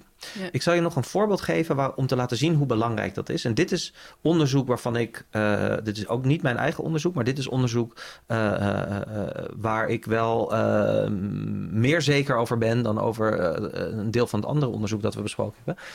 En dat is onderzoek dat laat zien dat bijvoorbeeld eh, kinderen die eh, arm zijn, en dat is in Brazilië gedaan en ook in India gedaan. Eh, en een deel van het onderzoek is ook gedaan bij, door eh, eh, eh, een onderzoeker die heet Banerjee. En die heeft, eh, of Banerjee, ik weet niet zeker hoe je het uitspreekt. Maar die heeft de eh, vorige week of twee weken geleden hebben hij en twee andere onderzoekers, eh, eh, eh, ehm, waarvan ik eh, Esther Duflo en, eh, en Kramer of Kramer, eh, die hebben een, een Nobelprijs gekregen. En eh, voor hun onderzoek naar, eh, eh, naar armoede en eh, de situatie te verbeteren van mensen in armoede. En dit is één van hun studies. Het is niet dat ze voor deze studie die prijs hebben gekregen, maar wel voor hun oeuvre. Maar zij hebben dus ook een studie gedaan waarbij dus hele arme kinderen, die bijvoorbeeld ook soms dakloos zijn, of in ieder geval die, die heel veel moeite hebben met bijvoorbeeld wiskunde oplossen in een klasomgeving. Eh, die kunnen dat dus heel goed, bijvoorbeeld op de markt, als ze daar eh, eh, Ja, hè, ja. goederen moeten verkopen. Hè, dus dan kan je hetzelfde probleem voorleggen aan een kind, zoals dat op een school gebeurt. Dus eh, tien keer acht, wij spreken. Of je kan op de markt zeggen: Ik wil graag eh, tien sinaasappels en die kosten allemaal het En dan, en dan weten ze het wel. ja. En dat laat dus zien dat die context, die kan heel veel uitmaken. En eh, ehm, nou ja, dus, hè, dus Dat- wij dat willen een creativiteitstaak die ook echt aansluit bij de belevingswereld van de groep waarmee wij werken. ja. Op dezelfde manier dat die wiskunde op de markt aansluit bij de belevingswereld van. Ik hoorde laatst ook zo'n heel mooi voorbeeld daarvan. Het had, eh, ging over autistische kinderen. Mhm. Leren klok kijken. Dat dat heel Mhm. moeilijk is. Oké. En dat dat een, op school dan niet lukte, maar op het station, bij de treintjes en dan die klok. En dat het dan op die context, dat ze het wel snapten en konden leren en Echt waar. konden onthouden. Ja, Oh. ja, ja. Dat is ook zo van context-based learning. Oké. is niet helemaal hetzelfde, maar ik moest er wel meteen aan denken. Zo van, Oh. ja, dan denk je misschien in het klaslokaal... Jeetje, eh, het lukt niet. Ja. Hè? Dan eh, krijgt dat een negatief cijfer, een labeltje... en dat gaat dan zijn hele Mhm. Carrière lang sleurt hij dat mee. Ja. Terwijl als je dan hè, dat kind naar buiten meeneemt naar het station... en dan daar leren klok kijken met de Mhm. treintjes... Mhm. dat het dan wel lukt. Nou, en dat is heel interessant. En ik, dat zou ik ook echt interessant vinden om te lezen. Eh, dus eh, misschien kan je me dat nog een keer sturen. Ja, ik zal eens Eh, kijken of dat je ken dat ik kan niet, dat vinden. ja. Een van de dingen die ik ook wel zie in ons onderzoek... is dat bijvoorbeeld die context voor mensen die minder, laten we zeggen... eh, schoolgeoriënteerd zijn, minder lang onderwijs hebben gevolgd... die context maakt voor mensen die eh, eh, dus minder lang onderwijs hebben gevolgd... in onze studie soms meer uit in, in, in de performance. Terwijl voor mensen die bijvoorbeeld heel lang onderwijs hebben genoten... daar is het zo dat als wij dus een, een, een, een, een variatie onderzoeken... van hè, de inhoud van de materialen bijvoorbeeld... voor hen lijkt dat soms minder uit te maken. Snap je? Dus bijvoorbeeld, dan hebben we bijvoorbeeld een abstracte eh, stimulus, zoals in, een schoolboekje vaak eh, getallen of eh, geometrische vormen. En, en iets wat meer, laten we zeggen, ecologisch relevant is. En dan vinden we bijvoorbeeld dat de groep voor de hoogopgeleide groep, dat het niet heel veel uitmaakt in hun performance bijvoorbeeld. Maar dat voor de minder hoogopgeleide groep ehm, die abstractere dingen moeilijker zijn en die andere dingen Heb je ook veel minder veel minder oefening mee Ja. gehad. Want ook in. IQ-testen kan je jezelf ook in trainen. Het is toch zo dat Ja. hoe, vaker je er, hoe vaker je hem doet... Tot op zekere hoogte hoog- kan je jezelf daarin trainen. Ja. Ja. omdat je gewoon gewend bent om dat soort sommetjes te doen. Ja. Dus- Nou hebben we wel ook laatst weer in een studie. En dat, dat is echt een solide studie, goed opgezet. En eh, daar heb ik best eh, heel veel vertrouwen in. Hebben we een bevinding gedaan die het tegenovergestelde was wat we eerder vonden. Dus dat Ah. juist die meer ecologisch relevante stimuli, dat juist daarop de performance juist minder goed was bij de groep. Eh, laten we zeggen, minder. eh, eh, of bij de groep van de, dus de minder financieel fortuinlijke Mhm. groep. En, en dus dat was heel erg verrassend voor ons. En waarom dat komt, dat weten wij nog niet. Ehm, maar dat is de realiteit van wetenschappelijk onderzoek. Is dat het een hele ingewikkelde puzzel is. En je doet je verschrikkelijke best om het goed te begrijpen. Ehm, maar ja, je moet die ingewikkeldheid en die onzekerheid... die moet je als wetenschapper omarmen. En proberen te begrijpen en verder proberen uit te pluizen. In plaats van hè, eh, wegmoffelen en eh, doen oh, we alsof vinden het allemaal... iets wat niet past. Dus dan ja. kijken we er niet naar. Ja. Wat wel heel veel gebeurt natuurlijk. Ja. Want niet, niet significante resultaten. Want daar was ik ook al benieuwd naar. Heb je dingen onderzocht waarvan je had verwacht van... oh, ik vermoed dat ze hier beter in zijn... maar dan niet significant precies. blijken te zijn. Of de andere of- kant op zelfs Ja, dus. Ja, dat, ja, dus dat hebben we. En, en dat, is, dat, is, dat werpt inderdaad dan echt een grote vraag op. En, Wat waren is, dingen die je wel had verwacht... Dat, waar verschillen tussen zaten en die er niet waren? Nou, bijvoorbeeld, wij hebben dus één studie gedaan waarin wij verwachten eh, dat eh, de performance van de eh, sociaal-economisch minder voordelige achtergrond hebbende groep, dat, dat die, wij verwachten dat zij beter zouden zijn in het oplossen van wiskundige problemen die meer ecologisch Eh, bleek dus niet zo te dichtbij waren Ja, voor hen. ja. En dat bleek dus niet zo te zijn in een van de studies. Te- tegenovergestelde. En dat was een grote studie met eh, hè, duidelijk opgestelde hypothesen. Van tevoren helemaal gepland. Dat noem je gepre- ook gepreregistreerd. Dus van tevoren vastgelegd hoe we het gingen doen. Eh, dat is op, vind ik, op een uitstekende manier uitgevoerd. En dat, toen vonden we dus het tegenovergestelde wat we verwachten. Ehm, ja, nou dat is... Ja, dan mag je weer terug naar de tekentafel. Dan, dan- Zo, oké. ja, dus, dus, het is, het is absoluut niet zo dat we in elke studie bewijs vinden Nee, voor dit nee, perspectief. In een aantal studies wel. In een aantal studies vinden we eh, eh, geen bewijs. En in, en, in, nou, kan geloof ik. Nou, kan deze. eh, Ja, in enkele studies vinden we ook echt het bewijs de andere kant op. Ja. Ehm, ja. Maar ik vond toen ik hier studeerde, ik heb kort dan ook ehm één vak was wetenschapsfilosofie. ja. Ja, dat vind ik misschien nog wel leuker ook dan, eh, dan psychologie bijna. Mhm. Van, Vind ik ook heel interessant. is de mens überhaupt wel, zeg maar, in het wetenschappelijk kader te onderzoeken en te vangen als er zoveel variabelen zijn en er zoveel complexiteit en er Ja. zo'n de context zo belangrijk is en Mhm. het moment van vragen en hoe vraag je het en wie vraagt het. en- Ja. En de mindset. de en mi- dit en ja, de, set en setting. Dus eh, hoe is jouw mindset op het moment van het onderzoek? Precies, ja. En dus eh, en dat vond ik zo leuk aan wetenschapsfilosofie. Ja. Is van, ja, is er wel, Ja. kunnen we wel regels opstellen voor menselijk gedrag? Eh, we proberen het wel.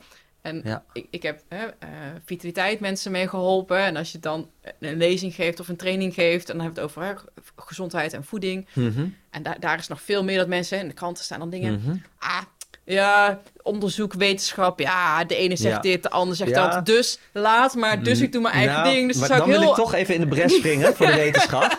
Want ehm, het is absoluut ontzettend moeilijk om, om de mensen ja, de, zeg maar de, de, de wetmatigheden in het gedrag en de verklaringen van die wetmatigheden om die eh, te documenteren is ontzettend moeilijk. Ehm, en fascinerend. Maar het is ook zeker wel zo. eh, en, en ik ben ook heel goed op de hoogte.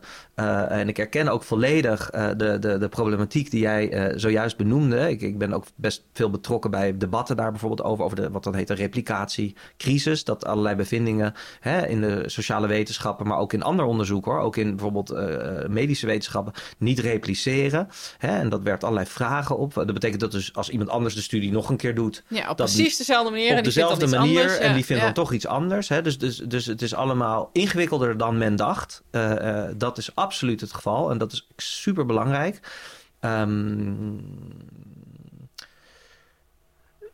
Dat is waar, maar het is zeker ook zo, en dat, dat bedoel ik ook met in de bres springen voor de wetenschap. Het is zeker ook zo dat er ook bevindingen zijn die echt wel heel robuust zijn. En dat geldt niet alleen in de medische wetenschap, maar dat geldt ook in de sociale wetenschappen. Dus er zijn bijvoorbeeld nu hele grote projecten die eh, studies proberen, hè, studies herhalen om te kijken van vinden we dan diezelfde Hè, de patronen. En, eh, eh, en dat doen ze dan bijvoorbeeld in een heleboel verschillende labs. Ja. op verschillende plekken in de wereld. En, eh, eh, en in sommige gevallen is dat dan niet zo. En dat werpt natuurlijk dus allerlei vragen op. Ehm, interessante vragen. Eh, en daar kunnen allerlei verschillende redenen ook zijn voor waarom die patronen verschillen. Hè. Dat kan zijn dat er iets mis was, laten we zeggen, met de oorspronkelijke studie. Maar het kan ook zijn dat er niet iets mis was met de oorspronkelijke studie. Maar dat bijvoorbeeld verschillen zijn tussen de culturen. Waar geen rekening mee is gehouden in de interpretatie van de eerste studies, et cetera. Ehm, maar in andere gevallen wordt het gewoon wel consistent gevonden. eh, op veel verschillende plekken. Hè, eh, met verschillende sociaal-economische groepen en etniciteiten. En allerlei dimensies van variatie waarvan je zou kunnen denken van misschien voor dit specifieke ding zou het wel eens kunnen verschillen tussen A en B en C. Mhm. Wordt dan gevonden dat het gewoon consistent is.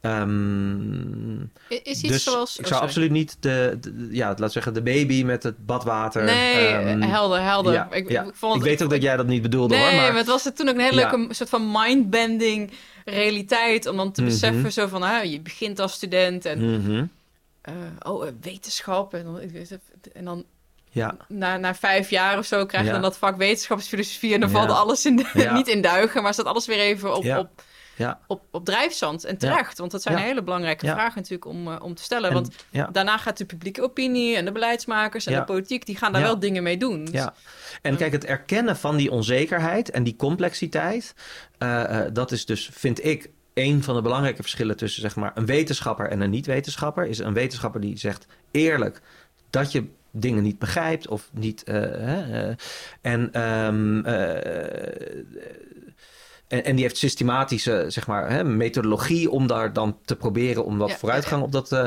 en, en een wetenschapper die is dus ook in staat om zijn of haar eh, hypothese, de dingen waarvan hij of zij denkt dat die waar zijn, om bepaalde redenen, eh, om die, te- die accepteert dat die weerlegd kunnen worden door data. Hè, er zijn natuurlijk ook mensen die geloven iets en ongeacht wat je ze vertelt, dan zeggen ze gewoon, nee ja, ik geloof dat gewoon niet. Ik denk dat het gewoon zo is. Het maakt me eigenlijk niet uit wat voor data jij geeft. En er zijn ook wetenschappers soms die zich bijna een beetje zo gedragen. En dat is niet wenselijk. Dat is dus niet goed. Een wetenschapper moet dus wel in staat zijn om eh, die onzekerheid en die complexiteit eh, recht te doen.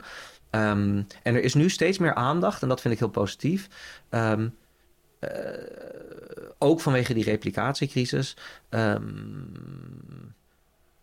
dat het belangrijk is om wetenschappers die wel recht doen aan die complexiteit en onzekerheid, om die niet, laten we zeggen, te benadelen ten opzichte van mensen, van wetenschappers die een heel strak, overtuigend verhaal eh, lijken te hebben, dat eigenlijk gebaseerd is misschien wel een beetje op drijfzand. Hmm. Hè? Dus soms kan het zo zijn dat degene die het hardst van de daken schreeuwt, dat kan, aan- dat kan aantrekkelijk gevonden worden. Snap je? Dat Ja. is een spannend, pakkend verhaal dat Ja. waterdicht lijkt te zijn en dat misschien wel helemaal niet is. En dan staat daarnaast een wetenschapper die heel genuanceerd en onzekerheid omhelzend.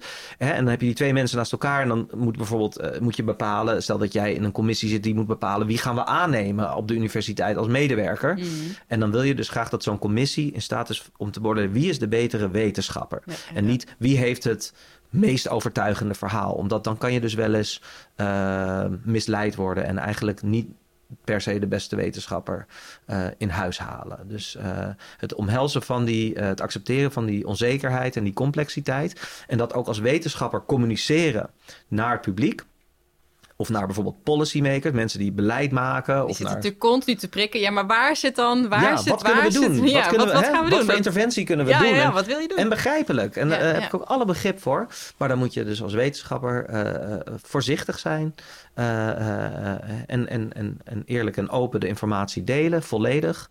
En dan kunnen die andere mensen vervolgens bepalen wat ze daar dan mee doen. Dan kan je advies uitbrengen eventueel. Zeggen van nou, er is zoveel onzekerheid over dit. Dat als je mij om advies vraagt, dan zou ik zeggen... Hmm. Laten we bijvoorbeeld hier op basis hiervan nog geen interventie ontwikkelen. Laten we nog eerst met meer onderzoek bijvoorbeeld doen.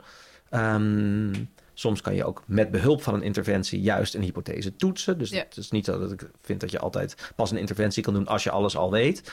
Ehm, maar eh, nou, die transparantie, dat is het kernwoord Ja. eigenlijk. En denk jij dat eh, een onderzoekslijn zoals jullie die nu hebben, dat we daar echt nog ook effecten van gaan terugvinden in, in een soort van publieke opinie, hoe er wordt gekeken naar bepaalde groepen of hoe er vanuit de hulpverlening, maar misschien ook wel gewoon vanuit het publiek misschien. Mhm.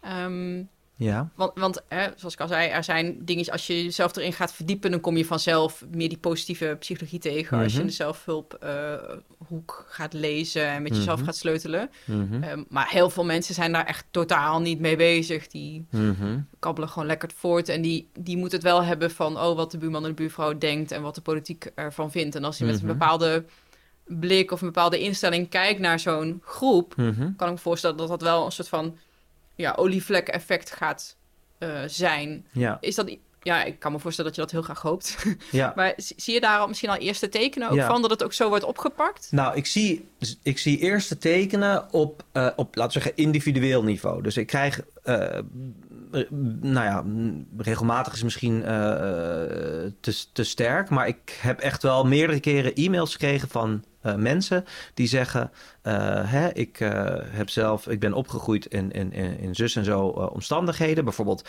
in, een, in een weeshuis in Oost-Europa in de jaren tachtig.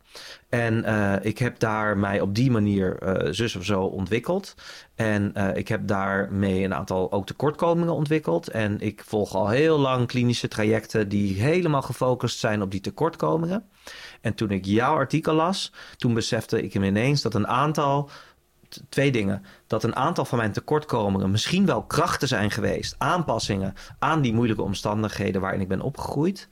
En of um, dat ik ook krachten heb waarvan ik me nooit echt bewust ben geweest dat, ik die heb. waarvan ik nu ineens begrijp dat ik die heb, omdat ik jouw onderzoek heb gelezen.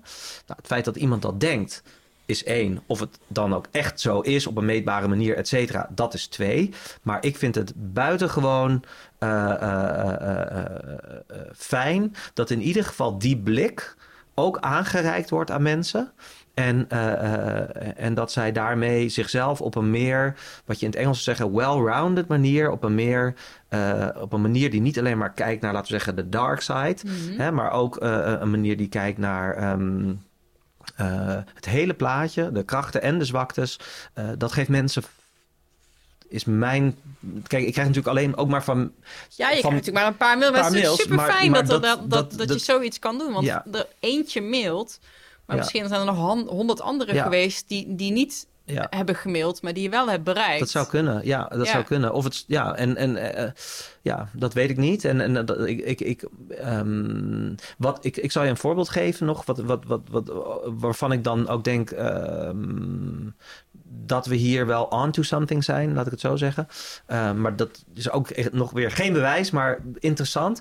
Uh, een collega van mij, Bruce Ellis uit Amerika, die gaf een lezing over dit idee. Die zei: Er is nog heel weinig over bekend, maar er is dit, dit idee en daar wordt nu onderzoek naar gedaan. En hier zijn de eerste bevindingen. Uh, voor een publiek van ongeveer 700 mensen, waarvan ongeveer 350 wetenschappers en 350 sociaal werkers. Dat was in Amerika. En um, twee keer in het midden van zijn praatje stonden gewoon de sociaal werkers allemaal op en begonnen gewoon te klappen tijdens zijn praatje. Uh, dat is best ongebruikelijk om midden in een wetenschappelijk praatje te gaan klappen. Ja. En later hè, sprak hij met die sociaal werkers en die zeiden: Ja, want weet je, wij wij denken ook dit soort dingen te zien. Maar er is hier bijna geen onderzoek naar. Uh, dus wij wilden jou gewoon aanmoedigen om dit onderzoek te doen. Want wij hebben elke dag te maken met deze jeugd. En wij zien dat zij niet alleen maar die zwaktes hebben. We zien ook die zwaktes en die zijn heel belangrijk. Maar we zien dat dat niet het hele verhaal is. En het is heel fijn dat er nu een onderzoekslijn is die ook die andere kant probeert te belichten. En toen is na dat praatje is een, uh, uh, een medewerker van een grote Amerikaanse foundation, een, die met financiële ondersteuning ook onderzoek mogelijk maakt, is naar die onderzoeker Bruce Ellis toegegaan. Die heeft gezegd: Goh, nou, dat raakte duidelijk een gevoelige snaar. Um, omdat hier zo weinig over bekend is, lijkt het ons zeer interessant om een project te ondersteunen voor twee of drie jaar. Hè, en eens te kijken Geweldig, ja. En daar is toen ook een bepaald onderzoek uh, weer uit voortgekomen. Um, en uh, dus, dus het, het, raakt bij veel mensen een snaar. En, uh, en dat is natuurlijk exciting. En dat is natuurlijk ook een beetje een risico. Omdat hè, je moet ook oppassen dat dat niet omdat mensen willen dat het waar is, mm. dat het ook daardoor waar wordt. Snap je? Het, je wil echt solide heel rigoureus wetenschappelijk onderzoek doen om te kijken of het echt zo is. En, en dat proberen wij te doen. Ah, super mooi. Ja, de reden waarom ik ook even doorvroeg op dat stukje perceptie en publieke opinie, mm is als het gaat over die feedback loops en mhm. het, labelen van iemand, ja. Hè, over autist, ADHD, uh, slechtere sociaal, dat, dat mhm. draagt iemand zo ontzettend lang mee, zijn, zijn, hele hele leven, tenzij je daar werk op doet of in therapie gaat of wat dan ook. Um, dat als je daar iets kan shiften, zo van oké, ja, soms hebben we het moeilijk, maar daar worden we sterk van, daar worden we hard van. Of uh, ja, Jantje is druk. Ja, die kan wel lekker snel schakelen. Is ook fijn. Ja. We moeten alleen zorgen dat hij even zijn energie kwijt kan en dat hij daarna weer stil kan zitten. Maar in plaats van daar heel erg met zo'n negatieve bril naar kijken. Daarom was ik zo blij toen ik dit las. Echt zo, oh, te gek. Ja, dat het ook vanuit deze hoek, zeg maar. Net als dat die sociaal hulpverleners dat doen. Ja. Uh, dat dat dan ook uh, nu ja, onderstreept wordt. Of, of uh, ja, of dat daar, dat daar is echt systematisch onderzoek naar gedaan wordt. En um, en, en dat labelen is natuurlijk heel, ik vind dat echt heel erg interessant, omdat dat heeft ook te maken hè, met het zelfbeeld dat mensen hebben, het beeld dat andere mensen van jou hebben. Hè. En Zie ik jou eh, als een, eh, eh, zeg maar, als een, eh, eh, ja, eh, eh, als een, laten we zeggen, een, ge- eh, ja, ik ben, ik, denk vaak in het Engels, omdat ik vaak in het Engels hierover Ja, moet ja, schrijven in, in de wetenschap. Maar eh, zie ik jou als een, eh, eh, als een gebroken goed, zeg maar? Ja, ja, ja. Of zie ik jou als misschien inderdaad deels in bepaalde opzichten, hè, bepaalde dingen misschien niet helemaal goed functioneren, maar andere dingen juist wel weer aanpassingen zijn. Hoe zie ik jou en, en hoe, heeft dat, hoe bepaalt dat hoe ik jou benader en hoe jij jezelf ziet en jouw zelfvertrouwen en daarmee ook de mate waarin jij bijvoorbeeld durft om bepaalde problemen aan te pakken. Ja.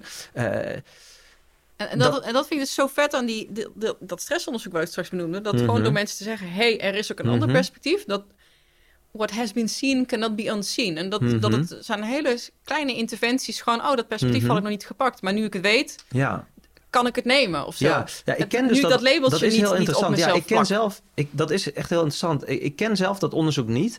En ik weet, ik ken wel een beetje de literatuur over post-traumatic growth. Eh, dat is eh, Ja, volgens mij ging gerelateerd. dit niet zozeer over, maar eh, wel in dezelfde categorie. Volgens mij ging het echt over stress. Oké, En, en de relatie cortisol en volgens mij ook DHEA, dus echt een hormoononderzoek. Maar dat, dat ging ook echt over stress mindset. Eh. En dat door het beïnvloeden van de mindset je Ja. daadwerkelijk je fysieke reacties kan, Be- beïnvloeden. Oké, ja, Ja, dan denk ik, het is toch mindblowing? dat is heel interessant. Ja, Ja, precies. maar ja, En dan wil ik dat door extrapoleren. Nou oké, maar op wat voor vlakken kan je nog meer, zeg maar, met een stuk perceptie en een hele hoop leed verzachten? ja, En niet alleen mentaal, zo, oh, ik praat het mezelf goed, maar echt fysiek meetbaar. Maar bijvoorbeeld, hè, een van de mensen die mij mailde, dat was het eerste mailtje dat ik kreeg. In 2013 publiceerde ik het eerste artikel over deze benadering. Was van inderdaad van dat een vrouw, een jonge vrouw uit een Oost-Europees eh, weeshuis was haar opgegroeid. Zij had een motorische beperking. Dat werd daar geïnterpreteerd als een geestelijke beperking. Dus zij kon door haar motorische beperking kon zij niet praten. Dat is geïnterpreteerd als zij is zeg maar geestelijk niet in staat om te praten. En zij is daar in een eh, afschuwelijke Oh, weeshuis is zij opgegroeid. Overigens, toen zij mij een mail schreef, eh, was dat eh, terwijl zij in een masterprogramma, masteropleiding in Amerika studeerde. Dus Ja. geestelijke beperking. eh, nou ja, in ieder Ja. geval niet eh, zoals dat gedacht werd, laat Ja. ik het zo zeggen. En waarschijnlijk gewoon geen. Ehm, maar wat, zo, wat, wat, wat, wat ik gewoon heel eh, veel betekenend vond, is zij zei toen ik daar opgroeide in dat weeshuis. ehm, als ik bijvoorbeeld moest huilen, omdat ik honger had of omdat ik verdrietig was, hè, ehm, dan pakten die verzorgers, die pakten mijn favoriete knuffel af. Want als ze dat deden, hadden ze controle over mij. Want dan, dat was het ergste wat ze konden doen. Dus dat moest ik voorkomen. En als ik wist dat huilen leidde tot dat, dan haalde ik dus niet. Ja. dan helde ik dus niet. En, eh, en zij heeft dat dus jaren eh, zo gedaan. Heeft zij dus haar emoties, eh, met name verdriet, dan ook niet uitgedrukt. Maar ook niet blijdschap. Want als iemand weet, oh jij wordt blij van die knuffel. Oké, dan kan ik jou dus ook hè, manipuleren. Ja, door, ja. dus je maakt jezelf kwetsbaar eigenlijk door te laten zien wat iets met je doet. En dat, dat liet zij dus niet meer zien op een gegeven moment. En ehm, nou ja, hè, dan heb je, laten we zeggen, eh, een situatie waarin nu heeft zij, eh, dus nu is zij niet meer in die context, nu is zij in een fijne context. En zij is nog steeds niet goed in staat om emoties uit te drukken. En dan wordt dus gezegd, jij hebt dus een, emotional expression disorder, of ik weet niet het label daarvoor, maar daar is, eh, dat is een disorder, zo wordt dat gezien. En dat, je zou, je zou kunnen zeggen, nou, dat, dat was, was een, hè, een adaptieve respons. En dat is dan inderdaad in deze context, zou je kunnen zeggen, is dat misschien dan eh, niet, meer wenselijk. Misschien Maar- moet je professioneel poker spelen Ja. of zo. Eh, maar maar toen, toen, toen zij dat artikel van ons las, toen zei zij van. eh, ehm, blijkbaar was het, werd, het, werd dat alleen maar met haar besproken als een disorder. En niet als een adaptatie aan haar eerdere omgeving. Dat zou je op zich wel verwachten. En dat zal ongetwijfeld ook soms wel gebeuren. Maar in haar geval dus niet. En zij zei: door, door het lezen van dit artikel. realiseerde ik me ineens dat ik dit waarschijnlijk dan toen heb, zo heb ontwikkeld. Nou, of dat dan zo is, kan ik niet verifiëren, maar dat zou best kunnen. Ehm, en daardoor kijk ik heel anders naar mezelf. In plaats van als een gebroken goed, zie ik me als iemand die op heel jonge leeftijd in heel moeilijke omstandigheden zich daaraan heeft aangepast. Op een manier die voor mij op dat moment goed was. En nu moet ik wennen aan die nieuwe situatie. En dat is natuurlijk ook iets met, met PTSD, dat post-traumatic stress. Dus dat, dat mensen die in de oorlogstijd of zo, die daarna weer in een uh, veilige omgeving zitten, die moeten weer opnieuw Hè, moeten die zich uh, opnieuw kalibreren eigenlijk aan de huidige omgeving. En, en wat jij ook beschreef eerder, van als ze dan weer bepaalde geluiden horen of dingen zien, dan ineens komen ze weer in die modus uh, hè, van dreiging bijvoorbeeld. Ja, ja, en, en in oorlogstijd, dat is, natuurlijk, dat is natuurlijk heel extreem, maar ik denk ook op, op, op een heel... Um, low impact level al gebeurt dat doorlopend natuurlijk dat je wordt getriggerd op je, op je patronen.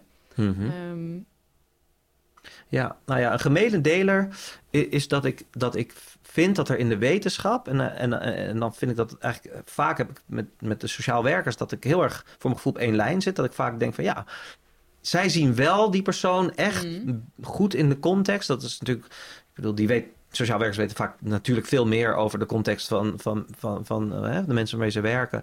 Uh, dan ik ben altijd onder de indruk, laat ik het zo zeggen, van de, uh, het interpreteren van het gedrag van het individu in de context mm door sociaal werkers. Daar ben ik altijd vaak van onder de indruk. En ik vind dat dat in de wetenschap vaak niet genoeg dat er gebeurt, dat er dan een meetlat wordt gelegd die zeg maar, ontwikkeld is op basis van mensen in zeg maar, relatief veilige, stabiele omgeving. Die wordt dan gelegd op, op die kinderen die in een andere omgeving opgroeien. Die kinderen die, hè, eh, die scoren daar dan minder hoog op. Dat wordt geïnterpreteerd als, uh, als een tekortkoming. En dan is de vraag, hoe kunnen we dat verbeteren? Ja, en dan heb labeltje, hokje en... Uh, zo, zo zie, als je de literatuur bekijkt, als je gewoon een willekeurig vakblad in de ontwikkelingspsychologie openslaat, uh, dan vind je non-stop artikelen over die deficits. En nogmaals, die bestaan in sommige gevallen en die zijn belangrijk, mm. maar dat betekent niet dat 99 ik snap het, ik procent snap het. van het onderzoek, ik zeg maar een, schatting van het percentage, daarover zou hoeven gaan. Ik zou ook heel benieuwd zijn hoe hechtingstijlen hier, uh, hoe, dit, dit soort relaties zou modereren of niet en ook kan, mm kan goedmaken. Want de hechtingstijl kan je ook fixen, zou ik bijna willen zeggen. Of je kan mhm. veranderen in hechtingstaal, mm heb ik gelezen. Want hè, onder stressvolle situaties en je ouders... ik kan me heel goed voorstellen dat je vermijdend gehecht uh, wordt... of gedesoriënteerd als het echt heel extreem is. Dus in ieder geval niet veilig gehecht, mhm. zoals... Uh, groep A, zeg maar, de, de, de, fijne groep en de groep B, de mhm. minder fijne groep. en wat dat dan weer doet, ook als mensen, nou, zoals je in het begin al zei, als je ze in een andere woonwijk stopt, of stel dat ze wel in een gelukkige relatie of in een fijne baan terechtkomen, um, kijk naar mezelf. Ik identificeerde mezelf met de eerste groep, zeg maar. Mhm. Ehm, maar zo zie ik mezelf nu absoluut niet. En niet alleen mhm. in mijn hoofd, maar ook gewoon in waar ik sta en wat we aan het mhm. doen zijn. Dus die, die um, mij socioloog en hij noemde mij het toonbeeld van sociale mobiliteit. Ik weet nog steeds niet of het een compliment is, maar eigenlijk ook weer niet. Want het suggereert natuurlijk ook dat ik ergens vandaan kom. Um, maar dat daar dus heel veel ook in te winnen is ehm, in de hulpverlening, los van, oh, we gaan je helpen met, met je druk zijn en we gaan je helpen met je verslaving. Mm Maar ook in een soort van veiligheid creëren en ook mensen laten zien van, hey, weet je wel, eh, het is heel erg belangrijk om een persoon of een groep of een huis of een plek te hebben waar je die veiligheid, waar je dat eh, kan genezen, om het dan maar mhm. even, een stuk in de spirituele hoek, uh, noem ze dat nogal snel zo. Um, maar goed, misschien is dat ook. Nou, dat weer een, mag, ik, mag ik daarop inhaken? Want ehm, ik heb dus laatst een artikel gelezen. Dat is heel recent uitgekomen. Dat, dat, vond ik super interessant. En daar zou ik heel graag ook onderzoek naar willen doen. En daar is nog heel weinig onderzoek naar, voor zover mij bekend.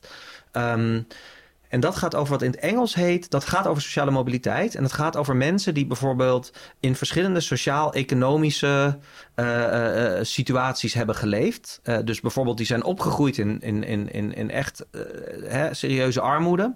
En die zijn ook, laten we zeggen, de, de interactiestijlen en de culturele normen en het perspectief.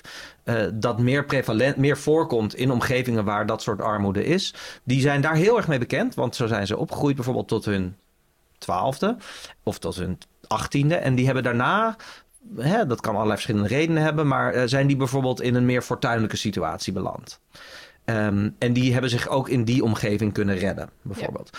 En wat dus heel interessant is aan deze mensen, is deze, die zijn dus eigenlijk in staat om op een natuurlijke manier te functioneren Hè, die zijn aangepast eigenlijk uh, aan verschillende sociaal, economisch, culturele milieus. Die hebben gewoon een soort van uitgebreidere skillset eigenlijk als het gaat om Ja. het omgaan met andere mensen. Chameleons. Ja. Die hebben dat vermogen meer dan mensen die altijd met, laten we zeggen, één laag van de samenleving bij wijze van spreken zijn eh, omgegaan. En dat noemen ze in het Engels social class transitioners. Ehm, en dat, paper, dat artikel dat ik heb gelezen, dat ging over de vraag van... zou het zo zijn dat mee, deze mensen, eh, eh, bijvoorbeeld ook in bedrijven... heel goed zouden kunnen functioneren ehm, in managementfuncties... waarin ze zowel... eh, Oh, de tussenlaag. de Ja, tussenlaag, ja, ja, bijvoorbeeld in de management, waarbij ze aan de ene kant bijvoorbeeld moeten communiceren met hè, de, de nationaal ehm, hè, Gewoon een CEO board of directors, of board of waar directors eh, of, voor moet eh, presenteren. Ja, precies. Ja, ja, ja. En- maar ook bijvoorbeeld meer eh, hè, on the ground met de mensen die gewoon misschien minder opleiding hebben genoten, die gewoon meer street smarts misschien meer gewend zijn om op een bepaalde manier met elkaar om te gaan. Dat zij allebei die sociale vaardigheden gewoon in hun gereedschapskist hebben. En dat zij daarom juist heel goed bijvoorbeeld in bepaalde banen eh, eh, eh, zich kunnen navigeren. Mijn verwachting zou zijn nee. Ik denk dat, dat, dat dat soort mensen, die zijn zo vrij vrij gevochten. Ja? Dat, maar misschien is dat, mijn, dat is natuurlijk mijn eigen bias, mijn eigen bril. Mhm. Maar Daar zit ook een beetje iets rebels in, namelijk Oké. hetgeen, het, het, het, het, het vooruitstrevende, zeg maar. Het jezelf Ja. willen ontwikkelen, Ja. willen, hè, het beter Ja. willen doen voor jezelf. En als je dus stij, als je dat doet, want dat zijn hele enge stappen, want je laat Mhm. wel echt je hele wereld zoals je hem kent, feitelijk laat je achter je. Ja. Eh, mensen die bijvoorbeeld in, in verslavingstrajecten hebben gezeten, dat is een Ja. die bijna die je moet doen. Dus gewoon je vrienden en je, je, omgeving Ja. dumpen, omdat je anders continu teruggetrokken wordt, Ja. getriggerd wordt op, op kleine dingetjes. Ja. Eh, ik vraag me af, als ik zo'n persoon zou zijn, denk ik, hmm, ik zou niet iemand boven me. eh, ik zou dat vrij Mhm. lastig vinden, maar goed, ik ben Mhm. natuurlijk maar één, eh, één persoon. Mhm. Volgens mij zijn dat echt de, de, de, de, de vechters, de initiators, de, de visionairs die iets zien wat eigenlijk nog niet kan, Hmm. maar wel op dat stukje onontgonnen terrein. Hmm. Want voor hun is dat natuurlijk nieuw. Mhm. Kijk, als je groep A en groep B hebt, voor groep B is groep B normaal, voor A is A normaal, maar die overstap maken is Hmm. gewoon super oncomfortabel. Mhm, mhm. Er Dat- zit ook dat een is bepaalde, absoluut, eh, bepaalde moed, is dat zeg maar. Ja, maar ook een bepaalde drive om dat ook wel te willen. Want als Ja. je het niet wil, of, of ja, misschien is de pijn gewoon heel groot. Dat is natuurlijk een motivatie voor mensen om in actie te komen. Ja, Of, je dat, of het dan dat zou werken als je die tussen die twee werelden zet. ja. En dat moet eh Oké. eh, consulten dan weer bijna. Ik, ik, ik zie die meer als, nee, we gaan weer een nieuw stukje vrijvechten voor onszelf of zo. Maar dat, Maar dat, kijk, dat, is, leuk, dat ja, is het mooie aan, laten we zeggen, eh, hè, een vrije uitwisseling eh, van ideeën, zoals in de wetenschap eh, zou moeten zijn.